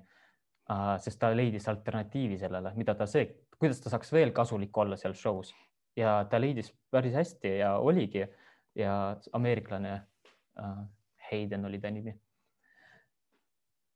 ja te, tema oli siis nii-öelda see teine kokkuvõttes ellujääja, keda ei visatud välja ja et me pidi, pidimegi kahekesi siis seda Slacki asja tegema ja, ja õnneks, kuna ta, ta oli ameeriklane, siis inglise keel, et tema suutis seda minu inglise keelt ära tõlkida ka neile äh, algusperioodil. hiljem oli juba palju kergem kõik see. Sain ise kõik äh, mõtted väljendatud, mis oli vaja, aga äh, ma, ma Madonna, ta ütleski, meil oli tantsija näiteks ka rehearsal selle proovi periood, mitte proovi, vaid peaproovide perioodi ajal, keda visati välja, sest ta ütleski, et sa võid. ta kutsus kokku meid, ta tegi koosolekuid ja rääkis tegelikult äh, hoidis ka meid erinevat viisi. Kukkus, kutsus kokku ja ütles, et noh, erinevad probleemid olid ja üks oli see, et sa võid küll maailma parim olla oma alal, teha nagu maailma parimaid trikke, aga kui sa teiste inimestega tööd teha ei oska, siis, siis sa ei saa siin kahjuks äh, nagu tööd teha, sest siin on nii palju inimesi, kellega sa pead seda kooskõla leidma. et sa ei saa oma nagu, omas nagu ütleme, ühte stiili või peale suruda, et äh, sa pead selle kuldse leidma ka, et äh, noh, see oligi see suhtumine inimese ka, et ei, ma ei tee seda, see ei ole minu ala umbes, see oleks kõige lihtsam näide, vaata, et paljud ma olen näinud hilistemast, hilisemates projektides ka, et ma olen slackliner, et miks ma peaks mingeid tantsuliigutusi tegema, ma tulin siia slack ima mm. -mm et äh, tegelikult äh, kui artistina sa, sa teed rohkemat kui lihtsalt see väike asi, millele sa oled spetsialiseerunud. Sa teed seda oma spetsialiseeritud äh, ala, aga sa lisaks veel kogu aeg õpid juurde ja sa pead rohkemat tegema andma endast. Ja absoluutselt ja see on täpselt sama, millest ma tegelikult ennem ka rääkisin, et äh, growth mindset ja fixed mindset, et äh, kui sa ei ole avatud uutele asjadele ja sa jääd sinna oma vanasse boksi, siis need inimesed, kes on avatud uutele asjadele, saavad alati rohkem võimalusi ja see on nii loogiline, aga paljud inimesed ei saa sellest aru ja ei, tahavadki sinna oma väiksesse mulli kinni jääda, millest on kahju.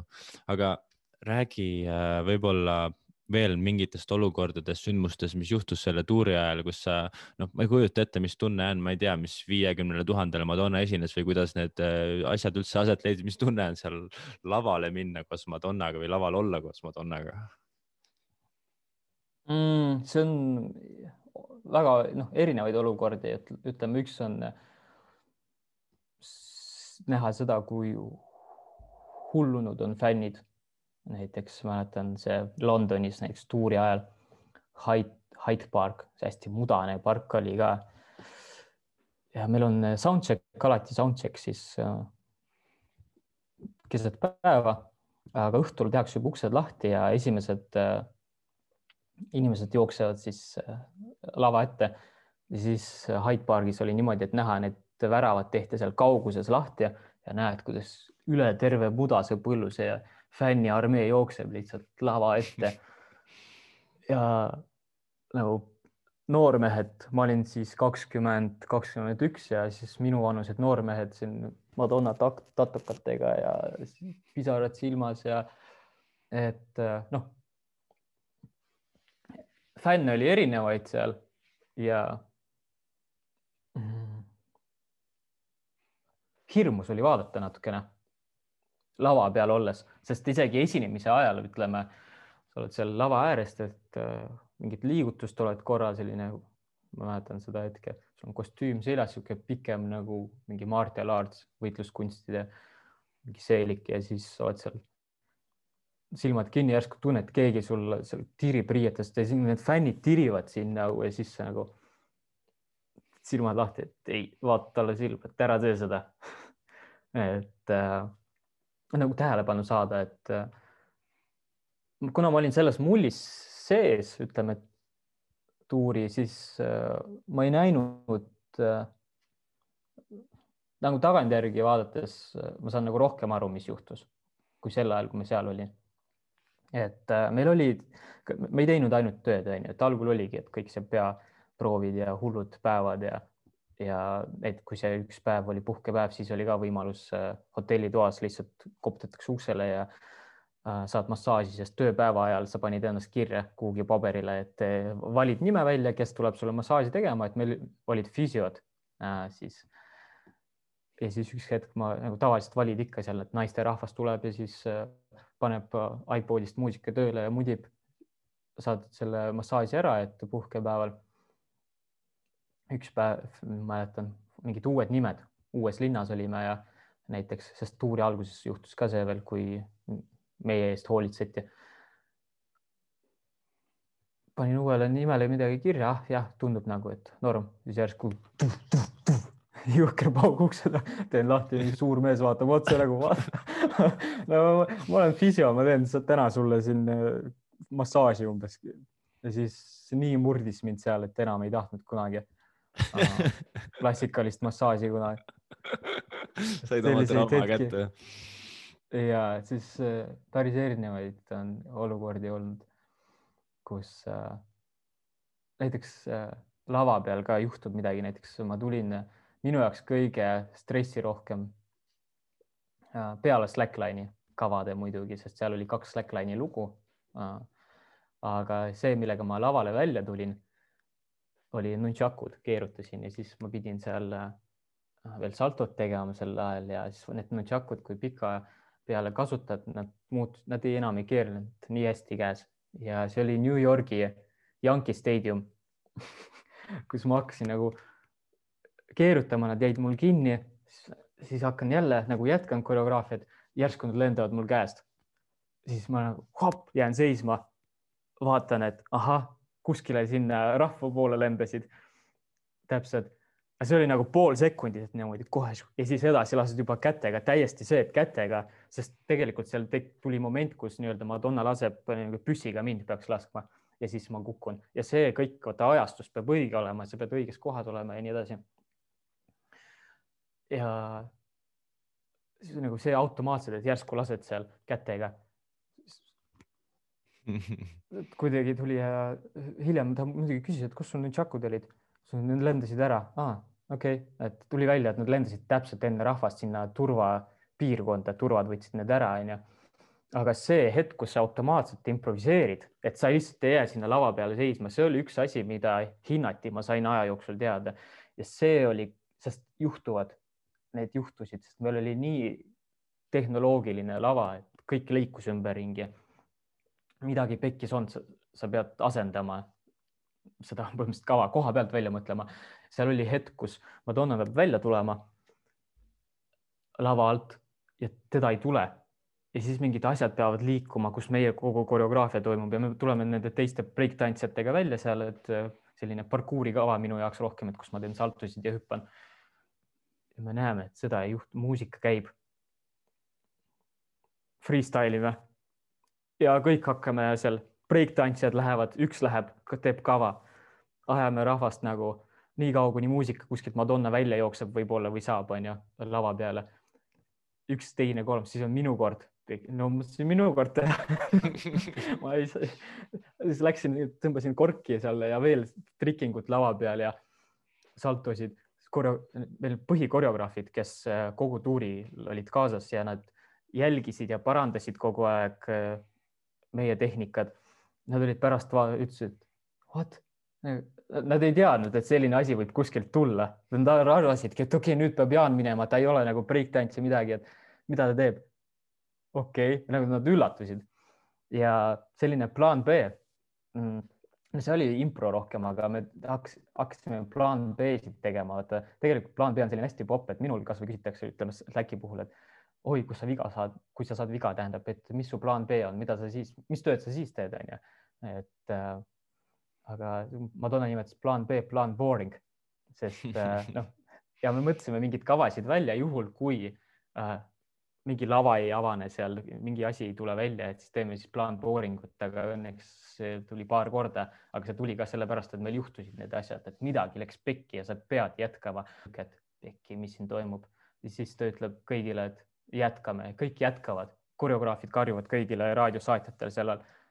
Te improviseerite ja nüüd sul on see hetk, kus sa pead terve loo improviseerima oma osa, ilma et sul oleksid mingid propsid seal, vaata asjad, et ja kokkuvõttes ongi, seda hinnati, et äh, sa ei jää lihtsalt niimoodi seisma, sa mõtled välja, sul pea mõtleb, et sa tood midagi enda seest. ja üks, üks selline, mis tähe, panin tähele, vaata sa ütlesid, et julm, et kohe võib-olla vallandab või talle meeldib tegelikult äh, tööloomad, ma sain aru, sest kui meil oli veel äh, peaproovid kestsid ja ma pidin Slackline'i osa näitama, nii Slackline'i number, kell oli üks öösel me olime nagu hommikust õhtuni teinud ja me tegime kaks peaproovi, üks proov oli kaks tundi pikk. Kaks proovi tehtud ja nüüd on üks öösel ja Jaan, sinu lugu, et äh, vaatame, mis sa siin teinud oled. kas sa oled valmis? jah yeah,, I m ready. So that's why I love the machine, sest nad nimetasid, Madonna nimetas mind machine'iks uh, tuuri ajal, siis hakkasid kõik seal nimetama, et machine. et uh, et sa ei, sa ei öelnud, et ei, ma ei ole, ma olen väsinud, et äh, saaks äkki mingi teine päev. et jah, ma olen trenni teinud selle jaoks, ma peaksin valmis olema, et mis siis kell, et kell on üks öösel, et teeme tööd, me teeme tööd millegi nimel praegu. et ja ma läksin ja hüppasin, näitasin ja. et jah, seda sai alles hiljem nagu aru, et mis ja eks selliseid äh, huvitavaid asju igasuguseid olnud, et äh, ma olen seal ka paha teinud ja et äh, ja üldse see töökeskkond oli meil, et kui me midagi valesti tegime, siis meid trahviti näiteks Ta,, taskuraha läks koheselt nagu tuh, tuh, tuh. Ja siis äh, minul ei olnud muidugi kordagi läinud, isegi kui ma äh, oleks pidanud minema, sest äh, kui sa jäid hiljaks näiteks kuhugi bussi peale, mis liikus äh, staadionile või äh, võeti kohe või magasid sisse bussi peale ja, või kasutasid mingit oma riideeset äh, lava peal, mida tegelikult ei tohtinud, sest kõik pidid näiteks mustas olema või mingis kindlas riietus, mis on öeldud. ja äh, jah, ma ei saanud õnneks niimoodi trahvida. Aga need olid, ma pigem ma sain äh, Madonnalt kuus, kuus viimast show'd oli, meil oli kaheksakümmend kaheksa show'd ju kokku, kolmkümmend viis riiki. ja mõtlesin, ah, ma paneks GoPro, väike sihuke GoPro sinna meeste riietusruumi äh, tegema seda timelapse'i, iga kahe sekundi järel teeb pilti. et las ta lihtsalt enda jaoks mälestus, ma ei mõtle seda Youtube'i kuhugi panna, onju, eriti tol ajal seal kaks tuhat kaksteist. noh, meil kõigil lõbus tantsijatel seal vahetame riideid nende mm, numbrite vahel, action käib edasi-tagasi möll ja siis teeme nägusid vahepeal kaamerasse. noh, keegi ei olnud nagu vaata paljas-paljas, et äh, täiesti, et äh,, et sellist äh, nudisti värki seal ei olnud, aga siis äh, pärast show'd tulen äh, tuuribussist nii-öelda hotelli, astun välja, tuurimänedžer vaatab sulle otsa niimoodi. tähendab pigem niimoodi, sest te, mina olin lühike ja tema niisugune pikk mees no Jaan, see oli sinu kaamera seal äh, riietusruumis sellest quick changes, ma nagu jah, see on nagu minu kaamera, noh, sa tead, me peame sult selle ära võtma. siis nad, et äh, nojah, võtke. noh, me võtame ära ja siis pärast lähed, äh, räägid management'iga. Ja siis järgmine päev äh, lava peal, kui me tegime soundcheck'i, Madonna tuli mu juurde, et mõtlesin, et noh, mingi ilge jama onju, aga Madonna boyfriend tol ajal seal ka üks tantsijatest äh, nagu proovis kaitsta mind, et äh, igatepidi jah. Ja siis ta rääkis ka mingi sõnu vahele seal. aga igatahes Madonna tuli minu juurde ja soundcheck'i ajal ja Jaan, sihuke, ta tundus näost, et vaata, et nagu, tahab nagu kuri olla, aga ta ei ole kuri, sest nagu ma tundsin ennast jumala hästi, mul ei olnud mitte mingit hirmu tema ees. nagu Jaan, sa tead, et nagu ei ole nagu, ma lasen sulle jah, Slackline'i ruumis filmida seal, kui me, aga see, noh, siin oleksid võinud vähemalt küsida, vaata siis ma nagu ütlesin talle, et tead, et ma austan nagu sa, ma poleks, mul ei olnud plaanigi seda kuhugi netti üles panna, et äh, alati olen üle küsinud kõiki asju sinult, et ta on ja, aga noh, ikkagi, et äh, küsi järgmine kord üle, sest see koht, kuhu sa panid, see oli päris sitt koht, et seal oli valgus paistis kaamerasse suht otse, et järgmine kord valime lihtsalt parema koha ma olin nagu what, mis pühand see veel on et äh, mõtlesin nüüd äh, saan vitse nii, et vähe ei ole, onju, et mingit äkki karistust mõeldakse välja. siis okei, okei. Äh, äh, siis läksin management'ile, et management, näh, siin on su kaamera, failid me kustutasime ära kõik, onju. et äh, ega neid sa kätte ei saa. siis nagu ja, ja Läksin, läksin arvutisse, viskasin kaardi sisse ja recovery poole tunniga kõik neli tuhat pilti tagasi sest, sest ma ütlesin. häkkermees tuli tagasi sinusse. mu kunagine minevik yeah. tuli välja äh, arvuti teemal. Ja siis no kõik minu käes ja need ei lähe kuhugi, mis äh,. siis tuli vaata tuuri DVD välja kaks tuhat kolmteist, ma läksin New Yorki selle premeerile, esilinastusele kutsuti ja siis äh, korra kõrvast midagi kuulsin, et nagu minu klipid ja ma ei saanudki aru, mis minu klipid. ja oli, tulime Madonna juurest, läksime seal Manhattanil sellele vaatama ja DVD lõpus, kui suurel ekraanil just selline vaheklipp enne viimast lugu, järsku puh, minu materjal ametlikul DVD-l. ma olen nagu, vot, vot, mis te tegite minu materjaliga, nad võtsid ja tegid ise sellest timelapse'i ja panid selle ametliku DVD-sse sisse. et okay. Äh, ja seal on okay. näha, ma sain aru, mis ta mõtles seda valgust, et nad ikkagi kasutasid ära seda ja see on nagu noh, selline vaata lollus, aga mis sellest lollusest sai kokkuvõttes yeah.. jah, see on niisugune lollus, et noh, ma arvan, et tavaline inimene ei oskagi mõelda, et niisugune asi on lollus, et sa ei tohi absoluutselt midagi filmida ega teha, aga jah, väga huvitav on kuulda seda elu seal jah, mingi tuuri sees sellise täieliku maailma üha ühe suurema ikooniga nagu Madonna, et äh, jah, kuhu sind elu on toonud, see on väga retsilt lahe. Aga see on jah, et ma nagu ütlesingi, et ma ei saanud väga aru, vaata kui äge või hull või mis iganes see on, on ju, seal tuuril. et äh, ma lihtsalt elasin seda elu ja,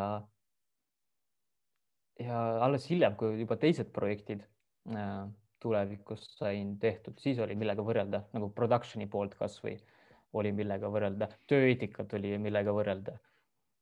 et ja siiamaani see on nagu tase. Sa said ikka väga-väga kõva vundamendi sealt alla, et kuidas asjad käivad ja kuidas nagu täielik maailma tipp oma asju ajab. ma kujutan ja, ette. seal, seal oligi, et uh, um, tal oli viimane sõna nagu, kus on väike riideese või mingi lavaehitus. Näiteks Slackiga ka meil oli, ehitati, ma ei ole nii jõhkrat süsteemi enam kogenud elus. meil oli, kuna neli Slacki liini oli laval ja need hüdraulilised postid tulid, see oli üks lavaosast välja, mis oli lava all, kõik see pingutussüsteem arvutitega pingutati seal hüdraulikaga. ja need keevitati seal kõik, noh, ehitati ilusaks. ja kui me nagu seda päris lava saime kasutada lõpuks vaatasime mm,, et liinid on natukene kõrged, et me tegime trenni ju teise kõrgusega. siin okei okay,, noh, me pigistame lihtsalt hambad nagu nii-öelda silmad kinni selle peale, et peame ju tegema slacklinerid, et äh, mina ja Heiden. siis Madonna tuli, et me ju ühes äh, loos kõnnime koos temaga ja siis ta peab ise edasi kõndima, siis kõnnib uuesti ja seal nagu niisugune kava. ja kui tema kõndis selle pealt, oli nagu vot kuidagi imelik tunne, et miks see nii on, nagu kõrgem, aga miks ta kõrgem on? no et äh, keevitati nii, et nad, kuna meil olid trenniruumis olid matid, nad ei arvestanud matte äh,, seda kõrgust ja siis tuli välja kokkuvõttes kõrgem päris laval, siis ta mm. oli nagu tehke ümber ja siis vaesed mehed keevitasid ümber kõiki asju öö otsa, et äh, meil oleks see ideaalne, täpselt samasugune äh, nagu ta proovide ajal oli ja nice., ja see ei ole nii, et ta ütleb, vaata ja siis ongi, et reaalselt, et kui see ei ole veel tehtud, aga talle öeldi, et see tehakse ära, siis oligi hetk, kus, aga miks see tehtud veel ei ole, ma teen ise, näidake mulle, kuidas seda teha, ma keevitan ise ära selle. et. Äh, kuule, ma pean pöial ära käima, mul on räme häda. Davai, ma ka, ma tahan ka siis juba. ja davai uh,. kohe palju parem olla. ma ei Nii. tea vaata, kus sa edit ida saad või mida sa tahad, et ma räägiks, ma ei mäleta nüüd ja äh, ma arvan, et teemegi, see, see jääb sisse, vahet pole, kedagi ei, või noh, ma natuke editin lühemaks, aga jah, me tegime praegu väikse, praegu väikse pöieka, aga lähme edasi kohe otse. me rääkisime jah, Madonna tuurist ja kõik, mis seal juhtus ja distsipliin ja kõik need, see vundament, mille sa seal alla said. aga mis ma tahan rääkida, et sa ikkagi Madonnaga said ju niivõrd heaks äh, sõbraks, et äh, ta on sulle ka hiljem äh, helistanud ja kontakteerunud sinuga, et äh, sa ikkagi jätsid võib-olla natuke sügavama mulje talle kui iga teine taustatantsija või ta ongi nii familiaarne kõigiga? ei, ma arvan, ta ikka nagu noh, vaatab ka ja võib-olla ma ei tahaks nagu öelda, et täpselt milline ta on või miks ta ühtemoodi teinud või eelistanud või miks mina just olen rohkem pärast ka temaga suhelnud kui mõni teine äh, tantsija või et jah, ma sain ka pärast tuuri, et ma mõtlesin, et kui jah, tuur on läbi, mis siis elu läheb edasi, et um,. aga siis oligi, et äh, Skype isin ta selle äh, kutiga, siis noh, sõber breiktantsija, siis järsku oli, Madonna hüppas välja, et kuule, kunagi sa külla tuled? siis nagu no võib-olla suvel, et siis nagu, kas ma pean suveni ootama või?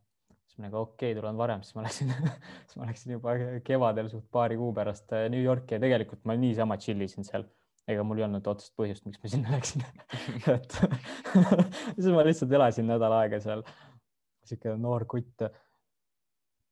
aga ei, ma ei, ma ei nagu ma ei tea, mulle ei tundunud see nagu ka, et äh, mida peaks nagu lihtsalt näitama, sest sotsmeedia sellist elu ei olnudki väga. et nüüd igaüks story taks, mida ta teeb ja mul ei olnud seda himu ja ja hilisem, hilisem elu ka, kui see kõik oli, ega ma väga ei teinud. ei no ma kujutan ette, et see. nagu aust, austad natukene jah, ja, ja siis ja. Äh, ja sa, samas ega ma nagu tühja ka ei olnud, et ma ikkagi käisin kogu aeg seal trennis. sõitsime Brooklynis nagu spordisaali, tegime trenni selle kutiga, ma mõtlen, mitte Madonnaga, et uh, noh, Madonna kutiga täpsemalt siis, Brahim. Ja siis ma filmisin seal ühte oma Slackline'i videot sel ajal. Uh,. siis Madonna oli nagu, oh, mille jaoks video? Ja kõik, ma ütlesin, et noh, siin online'i video, et vald, mitte wildcard, vaid täpsemalt uh, video, et uh, see video võitja siis või kes teeb parima video, saab omanimelise liini, signature line siis Jaan Roose Slackline ja siis ta ütles, no davai, siis sa pead võitma, tee nii, et sa võidad siis ma tegingi tegelikult niimoodi, et ma võitsin selle video pärast Äh, noh, tähendab võistluse selle videoga ja siis sain omanimelise liini. Äh, Jaan Roosa Slackline, mis ja kaks tuhat kolmteist aastast ja see oli esimene. ja see, see oli nagu üks ja pärast oli noh, tal sünnipäevad ja seal sai käidud ja uh, et viimastel aastatel on ikka rahulikkus, et vaata, kui sa oled nagu nii kaua eemal ja sellist, kui puutepunkte ei toimu siis ikkagi vaata, igalühel on oma elu, vaata, et igalühel oma karjääri teeb. Ja, ja samamoodi minul, et äh, mulle meeldikski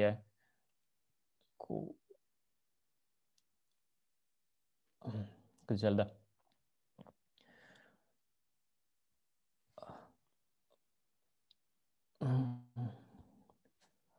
tahaks seda sõnastada teisiti.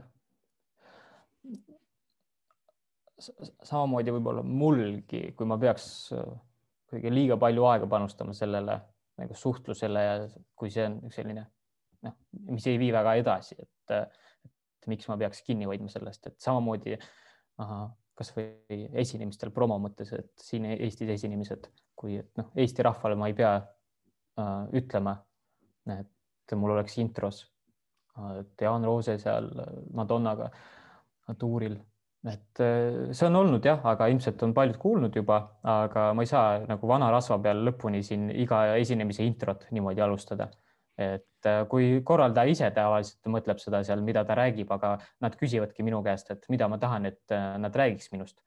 ja noh, tihti ma saan aru, kasutatakse Madonna nime ja et ja et ma ütlengi, et kui on nagu Eesti inimesed publik, siis seda otseselt tähtis ei ole, aga noh, välismaa, välismaalastele võite ära mainida, et, et jah, selline asi on juhtunud olnud ja. aga seda enam, et tegelikult äh, me jäime nüüd pikaks sellele Madonna tuurile peatuma, aga peale seda sa oled ju teinud äh, palju teisi suuri projekte, et äh, kas siis see Madonna värk kiirendaski sinu nii-öelda jah, hüppelaud oli nii-öelda kõva sulle või mis sealt edasi sai?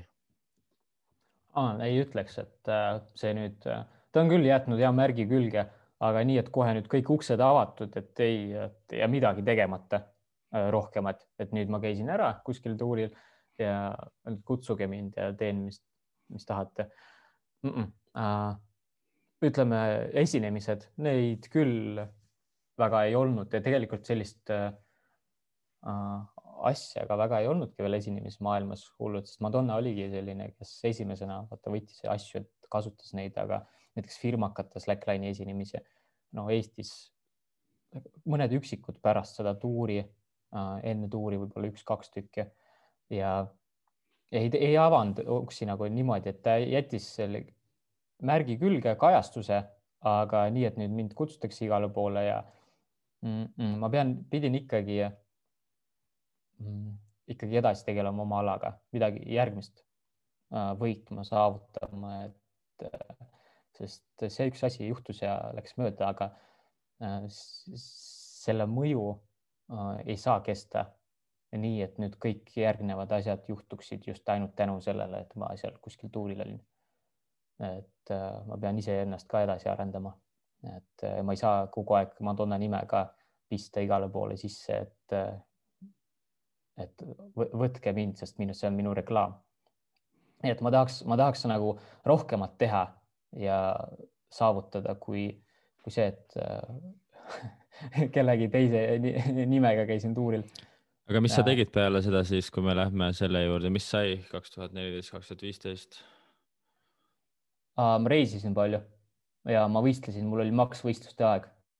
ma võistlesin võib-olla jah, oli kakskümmend viisteist või kaheksa võistlust täitsa aastaselt, see oligi järjest võistlemine, ma tegin trikke, võistlesin ja mõned sellised lühemad ka projektid, show projektid kaks tuhat kuusteist ma läksin tsirkusesse Dubaisse, aga siin olid ka tihti sellised valikud, et mida ma teen, et äh, kas lähen midagi pikaajaliselt tegema. Äh, näiteks pakutigi maailma suurimale kruiisilaevale Slackline'i show'd, siis ma vaatasin aasta aega. Aasta aega nagu mm. -mm. mul on nagu oma plaan, ma tahaks trikke maanduda mm,. ma tahaks äh, nagu see Swiss hotell oli plaanis, et seda teha, aga kui ma lähen kuhugi ära, siis ma ei saa sellega tegeleda. ja raha teenida, selle nimel minna, et ei, mul on piisavalt, et leiba osta. Ja need kõht täis oleks. ehk siis sa tegid jällegi selle mõnes mõttes ebaturvalisema valiku, valiku enda mingisuguse plaani suhtes, et äh, lükkasid jälle raha kõrvale ja läksid sinna natukene äh, ebatasasemale pinnasele nii-öelda jah, jällegi täpselt seesama oligi, et mida ma teen, et uurid ka seda, et see, mis tundubki nagu äge tegelikult, et ma pigem väärtustasin alati, et kui mul on vaba aega, siis pikas perspektiivis ikkagi see vaba aeg toob võib-olla ilmselt palju enamat mulle siit kui see, et ma kohe kasutan selle võimaluse ära, mis mulle pakutakse. pikk, pikas perspektiivis oligi... kindlasti jah. ja, ja see oligi niimoodi, et äh, kruiisilaeval ütlesin ei siis mõtlesin, et ei, et kuidagimoodi, et ei. siis äh, kui Eestis ka oli pakkumine, et Eesti kruiisilaeval, siis ma olin nagu ei, siis oota, mis, siis ma ei hakanud neile ütlema, et ma just ütlesin maailma suurimale ära, et, et miks ma nüüd et ma lihtsalt, et ei, et äh, ma tahan omi asju teha, ma mõtlen omi asju, trenni teha, et ma tahan oma taset tõsta et mõned projektid äh, lühemad. ja siis tuli pakkumine Dubai tsirkusesse treeneriks ja tehniline assistent siis see tundus selline, et see ei ole väga pikaaegne projekt, et algul kuu aega, siis mõned nädalad uuesti sinna-tagasi, kogu aeg lendad ringi. Ja see võtan vastu, võtsin vastu, kokkuvõttes jäin natuke kauemaks, siis ma pidin jälle viis kuud seal olema ja nii kokkuvõttes veetsingi üks pool, poolteist aastat seal tsirkuses, aga sealt läksin ka samamoodi ära. et minu töö oli tehtud ja ma ei tahtnud jääda sinna püsivale töökohale kui nagu artistina, et sest noh, töö, töökohustus oli täiesti nagu täidetud ja taheti, et ma jääks, sest äh, noh, ma juba tean kõike ja siis nad ei pea juurde inimesi otsima. ja kogu aeg see nagu moositi, et no nii, kui su leping läbi saab, on ju, siis sa jääd selle artisti lepinguga siia ja et äh, on ju, ütled ja on ju, mõtlesin, no ja küll me vaatame ja siis, kui see hetk tuli, et äh, kõik läbi mm,. leping, et kas uuendus tuuega, ütlesin ei siis artistiline direktor, naine, et mis mõttes, miks sa, ta, ta ei oodanud seda, et äh, ma ütlen ei äh,. kogu aeg selline moosis äh,. ma ütlesin ei, et pigem. ja siis ta sellele vastu, et ah, see on sellepärast, et sa teenid mujal esinemistega rohkem või, sest Dubais töötades ma lendasin Eestisse ka, tegin esinemisi ja veel sain mujal, mul oli selline unikaalne leping, et ma sain mitu tööd korraga teha mõtlesin, ma ei mõelnudki selle peale, et kuidas nagu sellepärast, et ma kuskil mujal rohkem saan, et ma peaks ära ütlema, et äh, ei, ma ütlesin, ma tahan lihtsalt, et mul oleks vaba aeg, sest kui mul on vaba aeg, siis äh, ma saan selle vaba ajaga nii palju teha, et ma võin täiesti vaene olla ja põhiline, et katus on pea kohal, onju. et see on nagu reisimisel ka olnud alati, et äh, kui keegi on, küsin oh,, kas on ikka piisav hotelli elamine, ma nagu noh, pähe ei saja ju midagi, see on nagu päris hea juba ja ja siis seal oli ka, et kõht on täis ja vaba aeg, et siis ma saan omi trikke teha, trenni teha, projekte, sest mul oligi käsil vot tagurpidi salto kahekordne, mul oli Swissotel, kõik see oli ootel kogu aeg, sest ma ei taha praegu viga saada või ma ei saa teha, sest mul on miski muu käsil ja see lükkub edasi ja see tunne, et sul on midagi tegemata jäetud, et ja see venib ja venib ja venib ja see nagu sõi nagu eriti kahekordne salto, see sõi lihtsalt kokkuvõttes nagu, kas keegi teine teeb selle ära ehk siis see sinu nii-öelda õpitud oskus öelda õigel ajal ei andis sulle tegelikult äh, nii palju rohkem võimalust ja vabasi käsi sinu enda eesmärkide täitmiseks, et tänu sellele sa tegidki ära selle kahekordse salto slackline'i peal, kes siis aru ei saa, tegemist on selle saltoga, et sa alustad kahe jalaga slackline'i peal, teed kahekordse tagurpidi salto siis, eks ole, ja maandud jalgadega ka slackline'i peale ehk siis täiesti ulmeline asi ütleb mina nüüd, kui ma veel tean seda, kuidas Slacki peal, kui raske on kõndida, teha seal veel saltosi, aga kas siiamaani sa oled, nagu ma aru saan, ainuke tüüp, kes on selle ära teinud? ma olen ainuke, nüüd on siis kaks aastat peaaegu sellest ja ma olen ka selle ühe korra teinud, et mm., sest ma ei ole nii palju panustanud pärast, et äh, keskendusin natukene mujale. Ja see on jah, sest see oli trikk, mida taheti üle kümne aasta, et oleks tehtud Slackis ja in, mõned inimesed olid proovinud ja tuli välja, et maailmas korraga töötas selle kallal kolm inimest koos minuga. Ja ja minul võttis vaata kuus aastat see aega ja see kuus aastat võttis aega tänu just sellele, et ma vahepeal tegin muid projekte ja siis äh, ikka, ikka seesama tunne, kus äh, äh, nagu praegu ei hakka riskima, et sest homme on mul vaja nagu muud projekti tööd teha ja siis praegu ma võin viga saada ja siis ma ei saa seda teha, sest ma saan aru, need hirmud, et vaata kokkuvõttes äh, sul on vaja seda elektrienergia äh, arvet kinni maksta ja kui sa oled vigane ja sa ei teeni millegiga ütleme, et seda arvet maksta, siis noh, oht on selles, et ma saan aru vahest inimestest, miks nad ei julge riske võtta. Sest elektriarv vajab maksmist.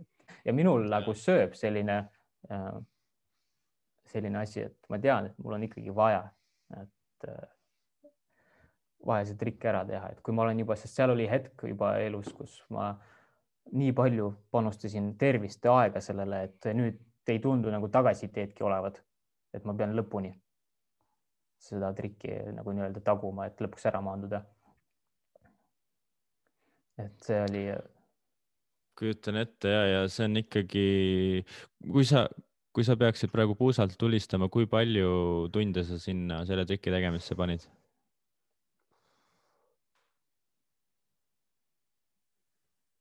no ja kuus aastat sa ütlesid, see on ikka noh. kuus nagu... aastat, see on ja ega vahest rohkem, vahest vähem. ja ikka tuhande tunni ringis kindlasti, kui mitte rohkem. Ja ütleme, et mul oli juba paar tuhat neid hüppeid, millest siis edukaid, noh, hästi-hästi häid hüppeid oli kuskil kuuskümmend pluss, kus ma sain jalad liinile, aga ülejäänud olid lihtsalt kas liinile kõrvale, siis on palju tunde ma veel kõrvalt äh, kasutasin batuudi peal treenimiseks, et seda tehnikat ja samuti tsirkuses olles ma kasutasin ära ja aja ära, et küsida teistelt inimestelt tsirkuses, et nad analüüsiks minu tehnikat ja aitaksid millegiga, et, et kõrvalt seda tarkust saada samuti, et ma ei tea, samas ei, ei proovinud sel ajal trikki maanduda, aga samas teoorias ma nagu töötasin selle kallal, et võimalikult palju, palju infot omada, et seda hiljem ära teha lihtsamalt. ja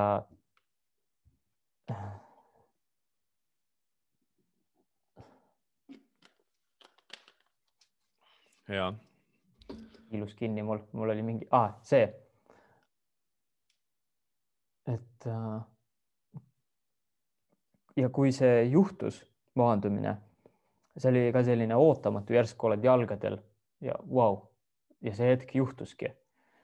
ja kõige suurem hirm pärast seda, kui ta oli tehtud, mul oli, sest ma käisin Värska saalis harjutamas õhtuti, päevasel ajal ma olin õues ja see juhtus äh, muidugi aprilli algusega, et terve talve ma käisin õues lume kohal harjutamas ja õhtuti ma siis olin äh, siseruumis äh, kella üheni-kaheni öösel.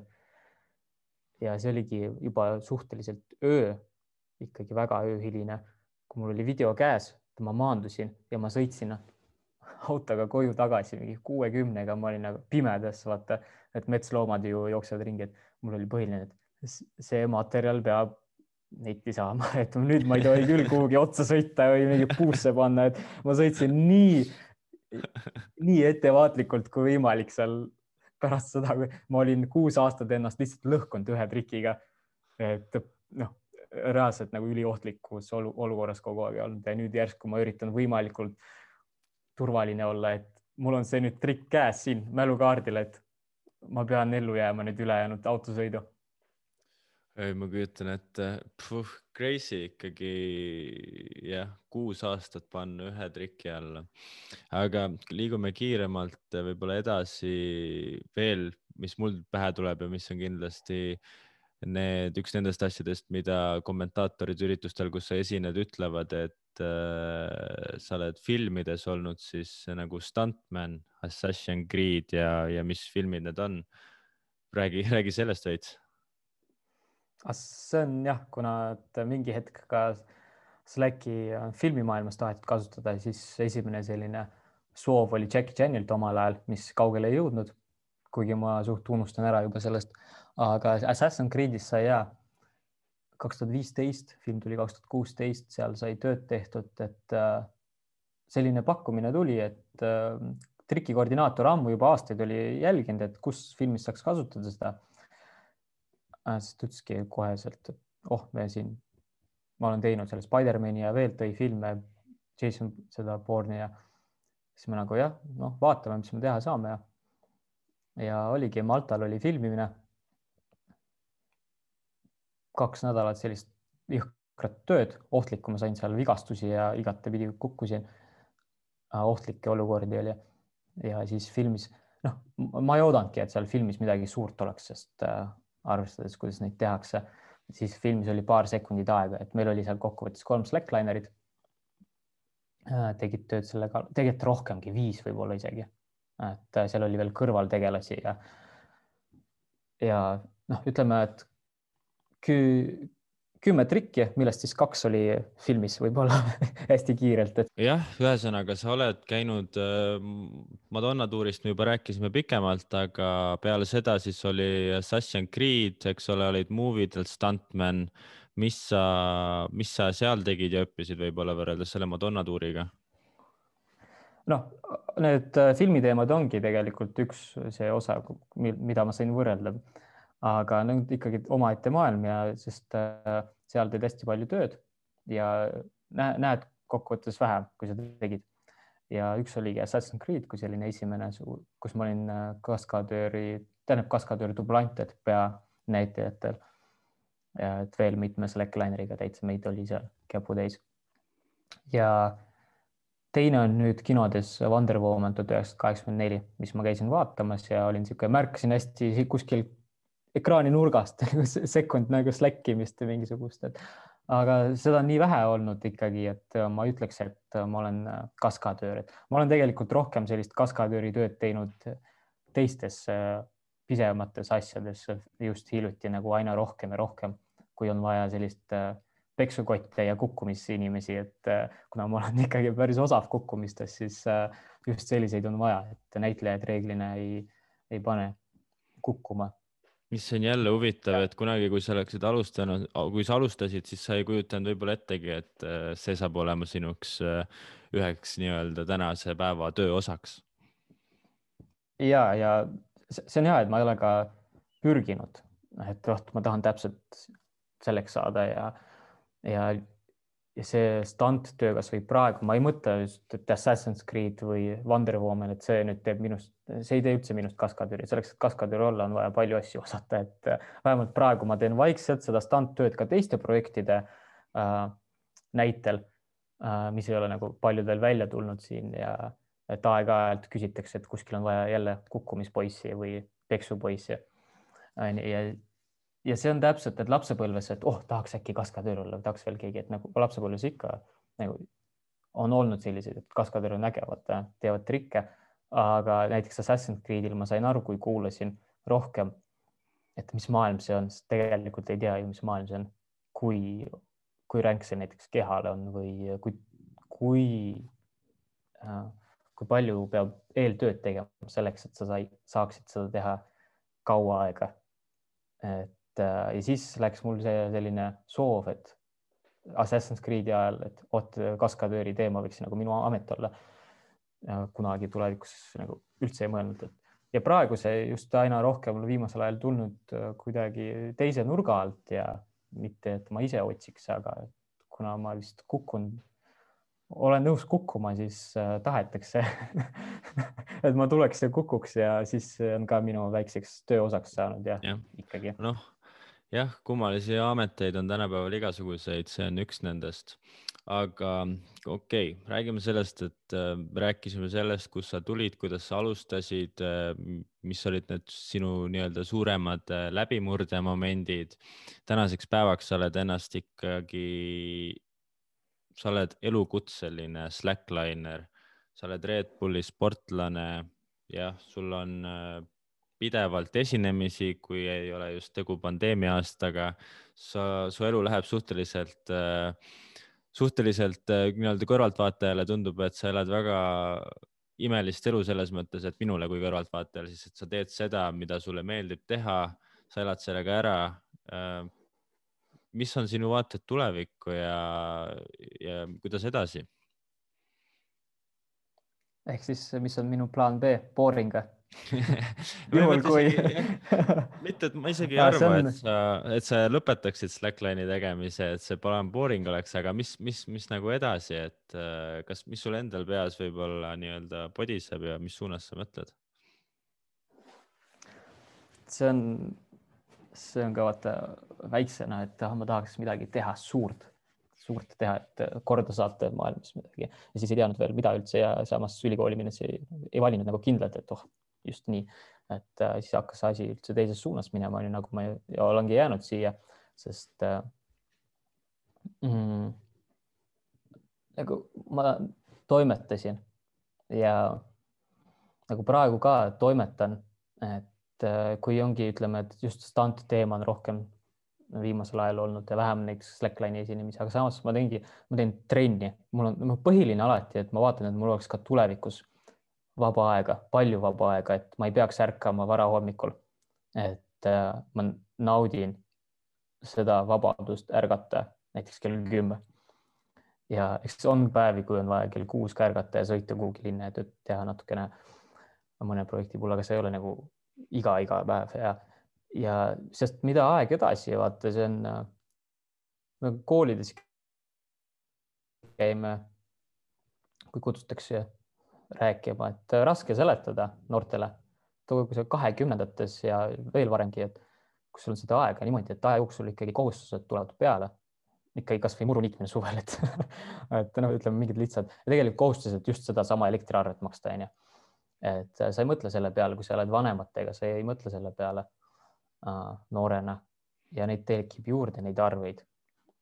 ja mitte see, et ma nüüd otsiks, kust saaks raha, et need arved kinni maksta, aga kokkuvõttes äh, äh, seda sellist vaba hetke, et tegeleda endaga jääb aina vähemaks ja ma tahangi äh, ka siin äh,, kui ma alustasin Slacki, ma läksin ja iga ilmaga, onju, et mul oli see soov e-, ennast proovile panna et ma tahaks, et see oleks mul ka praegu võimalus. et äh, ma ei peaks kartma, et ma saan viga, et nüüd ma praegu istungi tegelikult äh, parandan pead, sest äh, ainult mõned päevad tagasi kukkusin pea peale. ja noh, mida ma siis teen, kui saan viga, on minult küsitud, mis mu selline tagavaraplaan on.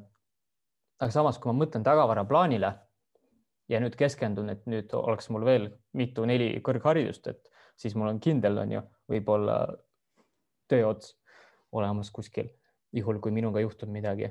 kui ma tegelen plaan B-ga, siis äh, ilmselt see plaan B jääbki minu plaan A-ks kokkuvõttes.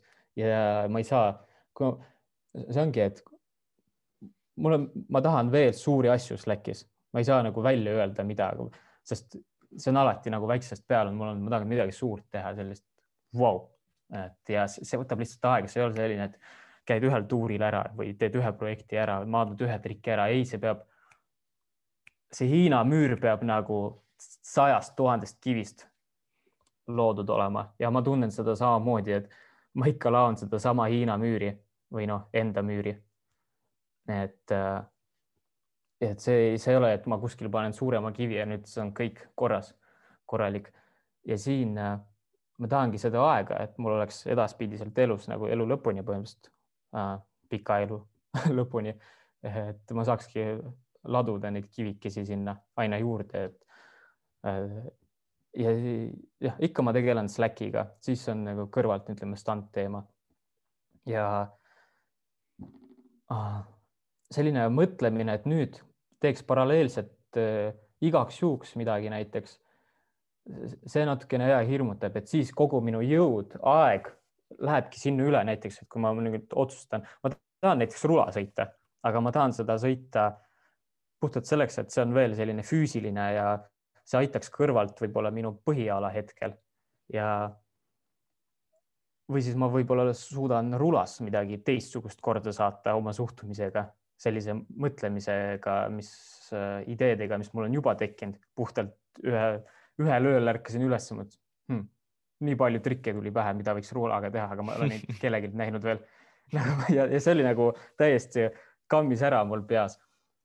nii et aga... järgmine aasta oled juba Simple Sessionil võib-olla peale ruulaga. ja, ja täpselt, et äh, ei, mulle meeldib sest... see, kuidas sa näed kõiki neid võimalusi ja kuidas sul kogu aeg ketrab peas ja sul on nagu hea momentum ongi täpselt see, et sa ei lase endal seisma jääda ja sa, sa paned kogu aeg täie, täie tuhinaga edasi ja sealt on näha, et sul kogu aeg tuleb midagi, kogu aeg on uued projektid. ma olen üliõnnelik, et sa oled jah, Red Bulli peres, et see võimaldab sul veel rohkem teha lahedaid projekte ja, ja jah, kui mina olin sinu nii-öelda Red Bulli poolne mänedžer, eks ole sinu esimese aasta Red Bullis põhimõtteliselt, et siis äh, ma nägin, kui palju välismaalt on ka huvi sinu vastu ja sul on nagu jah, sul on nagu ikkagi, kuigi sa oled kakskümmend üheksa ja üksteist aastat juba Slackline'i teinud, siis tegelikult enamus sinu karjäärist ja suurtest projektidest on veel ees, eks ole.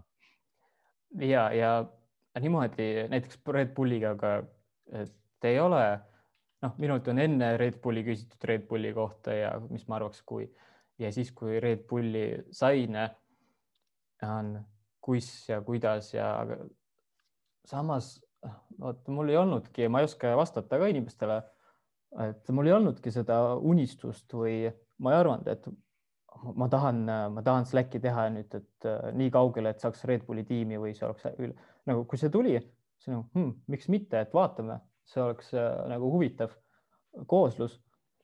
Aga ei olnud elu eesmärk, et äh, nüüd noh, sest noh, ma toon näite, et võib-olla inimesel mõnel on, et mul on kirjutatud, et oh, ma tahaks nagu see, see on nagu eesmärk. ma kuidagi hoian enda eesmärki nagu põhieesmärki hästi uduselt, seda suur, suur müür, mis ei, ongi lõputu.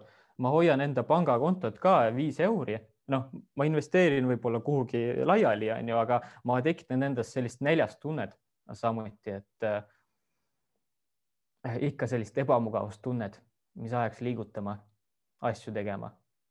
sa ajad taga et, ebamugavust?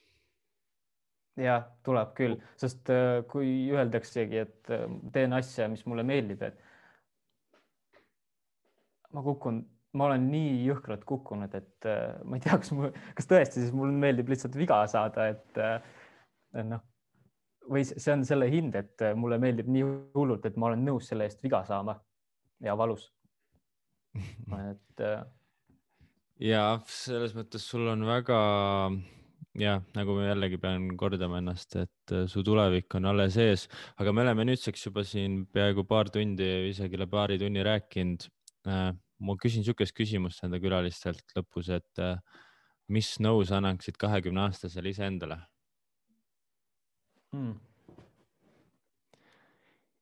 Sest et sina olid juba siis jah, ütleme algusaegade iseendale, mida ma mõtlen selle küsimuse all on sellele inimesele, kes sa olid siis, kes hakkas neid suuri otsuseid tegema ja nii-öelda neid sinu elu muutvaid otsuseid, et see kakskümmend ma umbes panen selleks ajaks siis, millal, millal on see tähtsate otsuste, see aeg elus, kus sa pead esimest korda tegema nii-öelda päris otsuseid?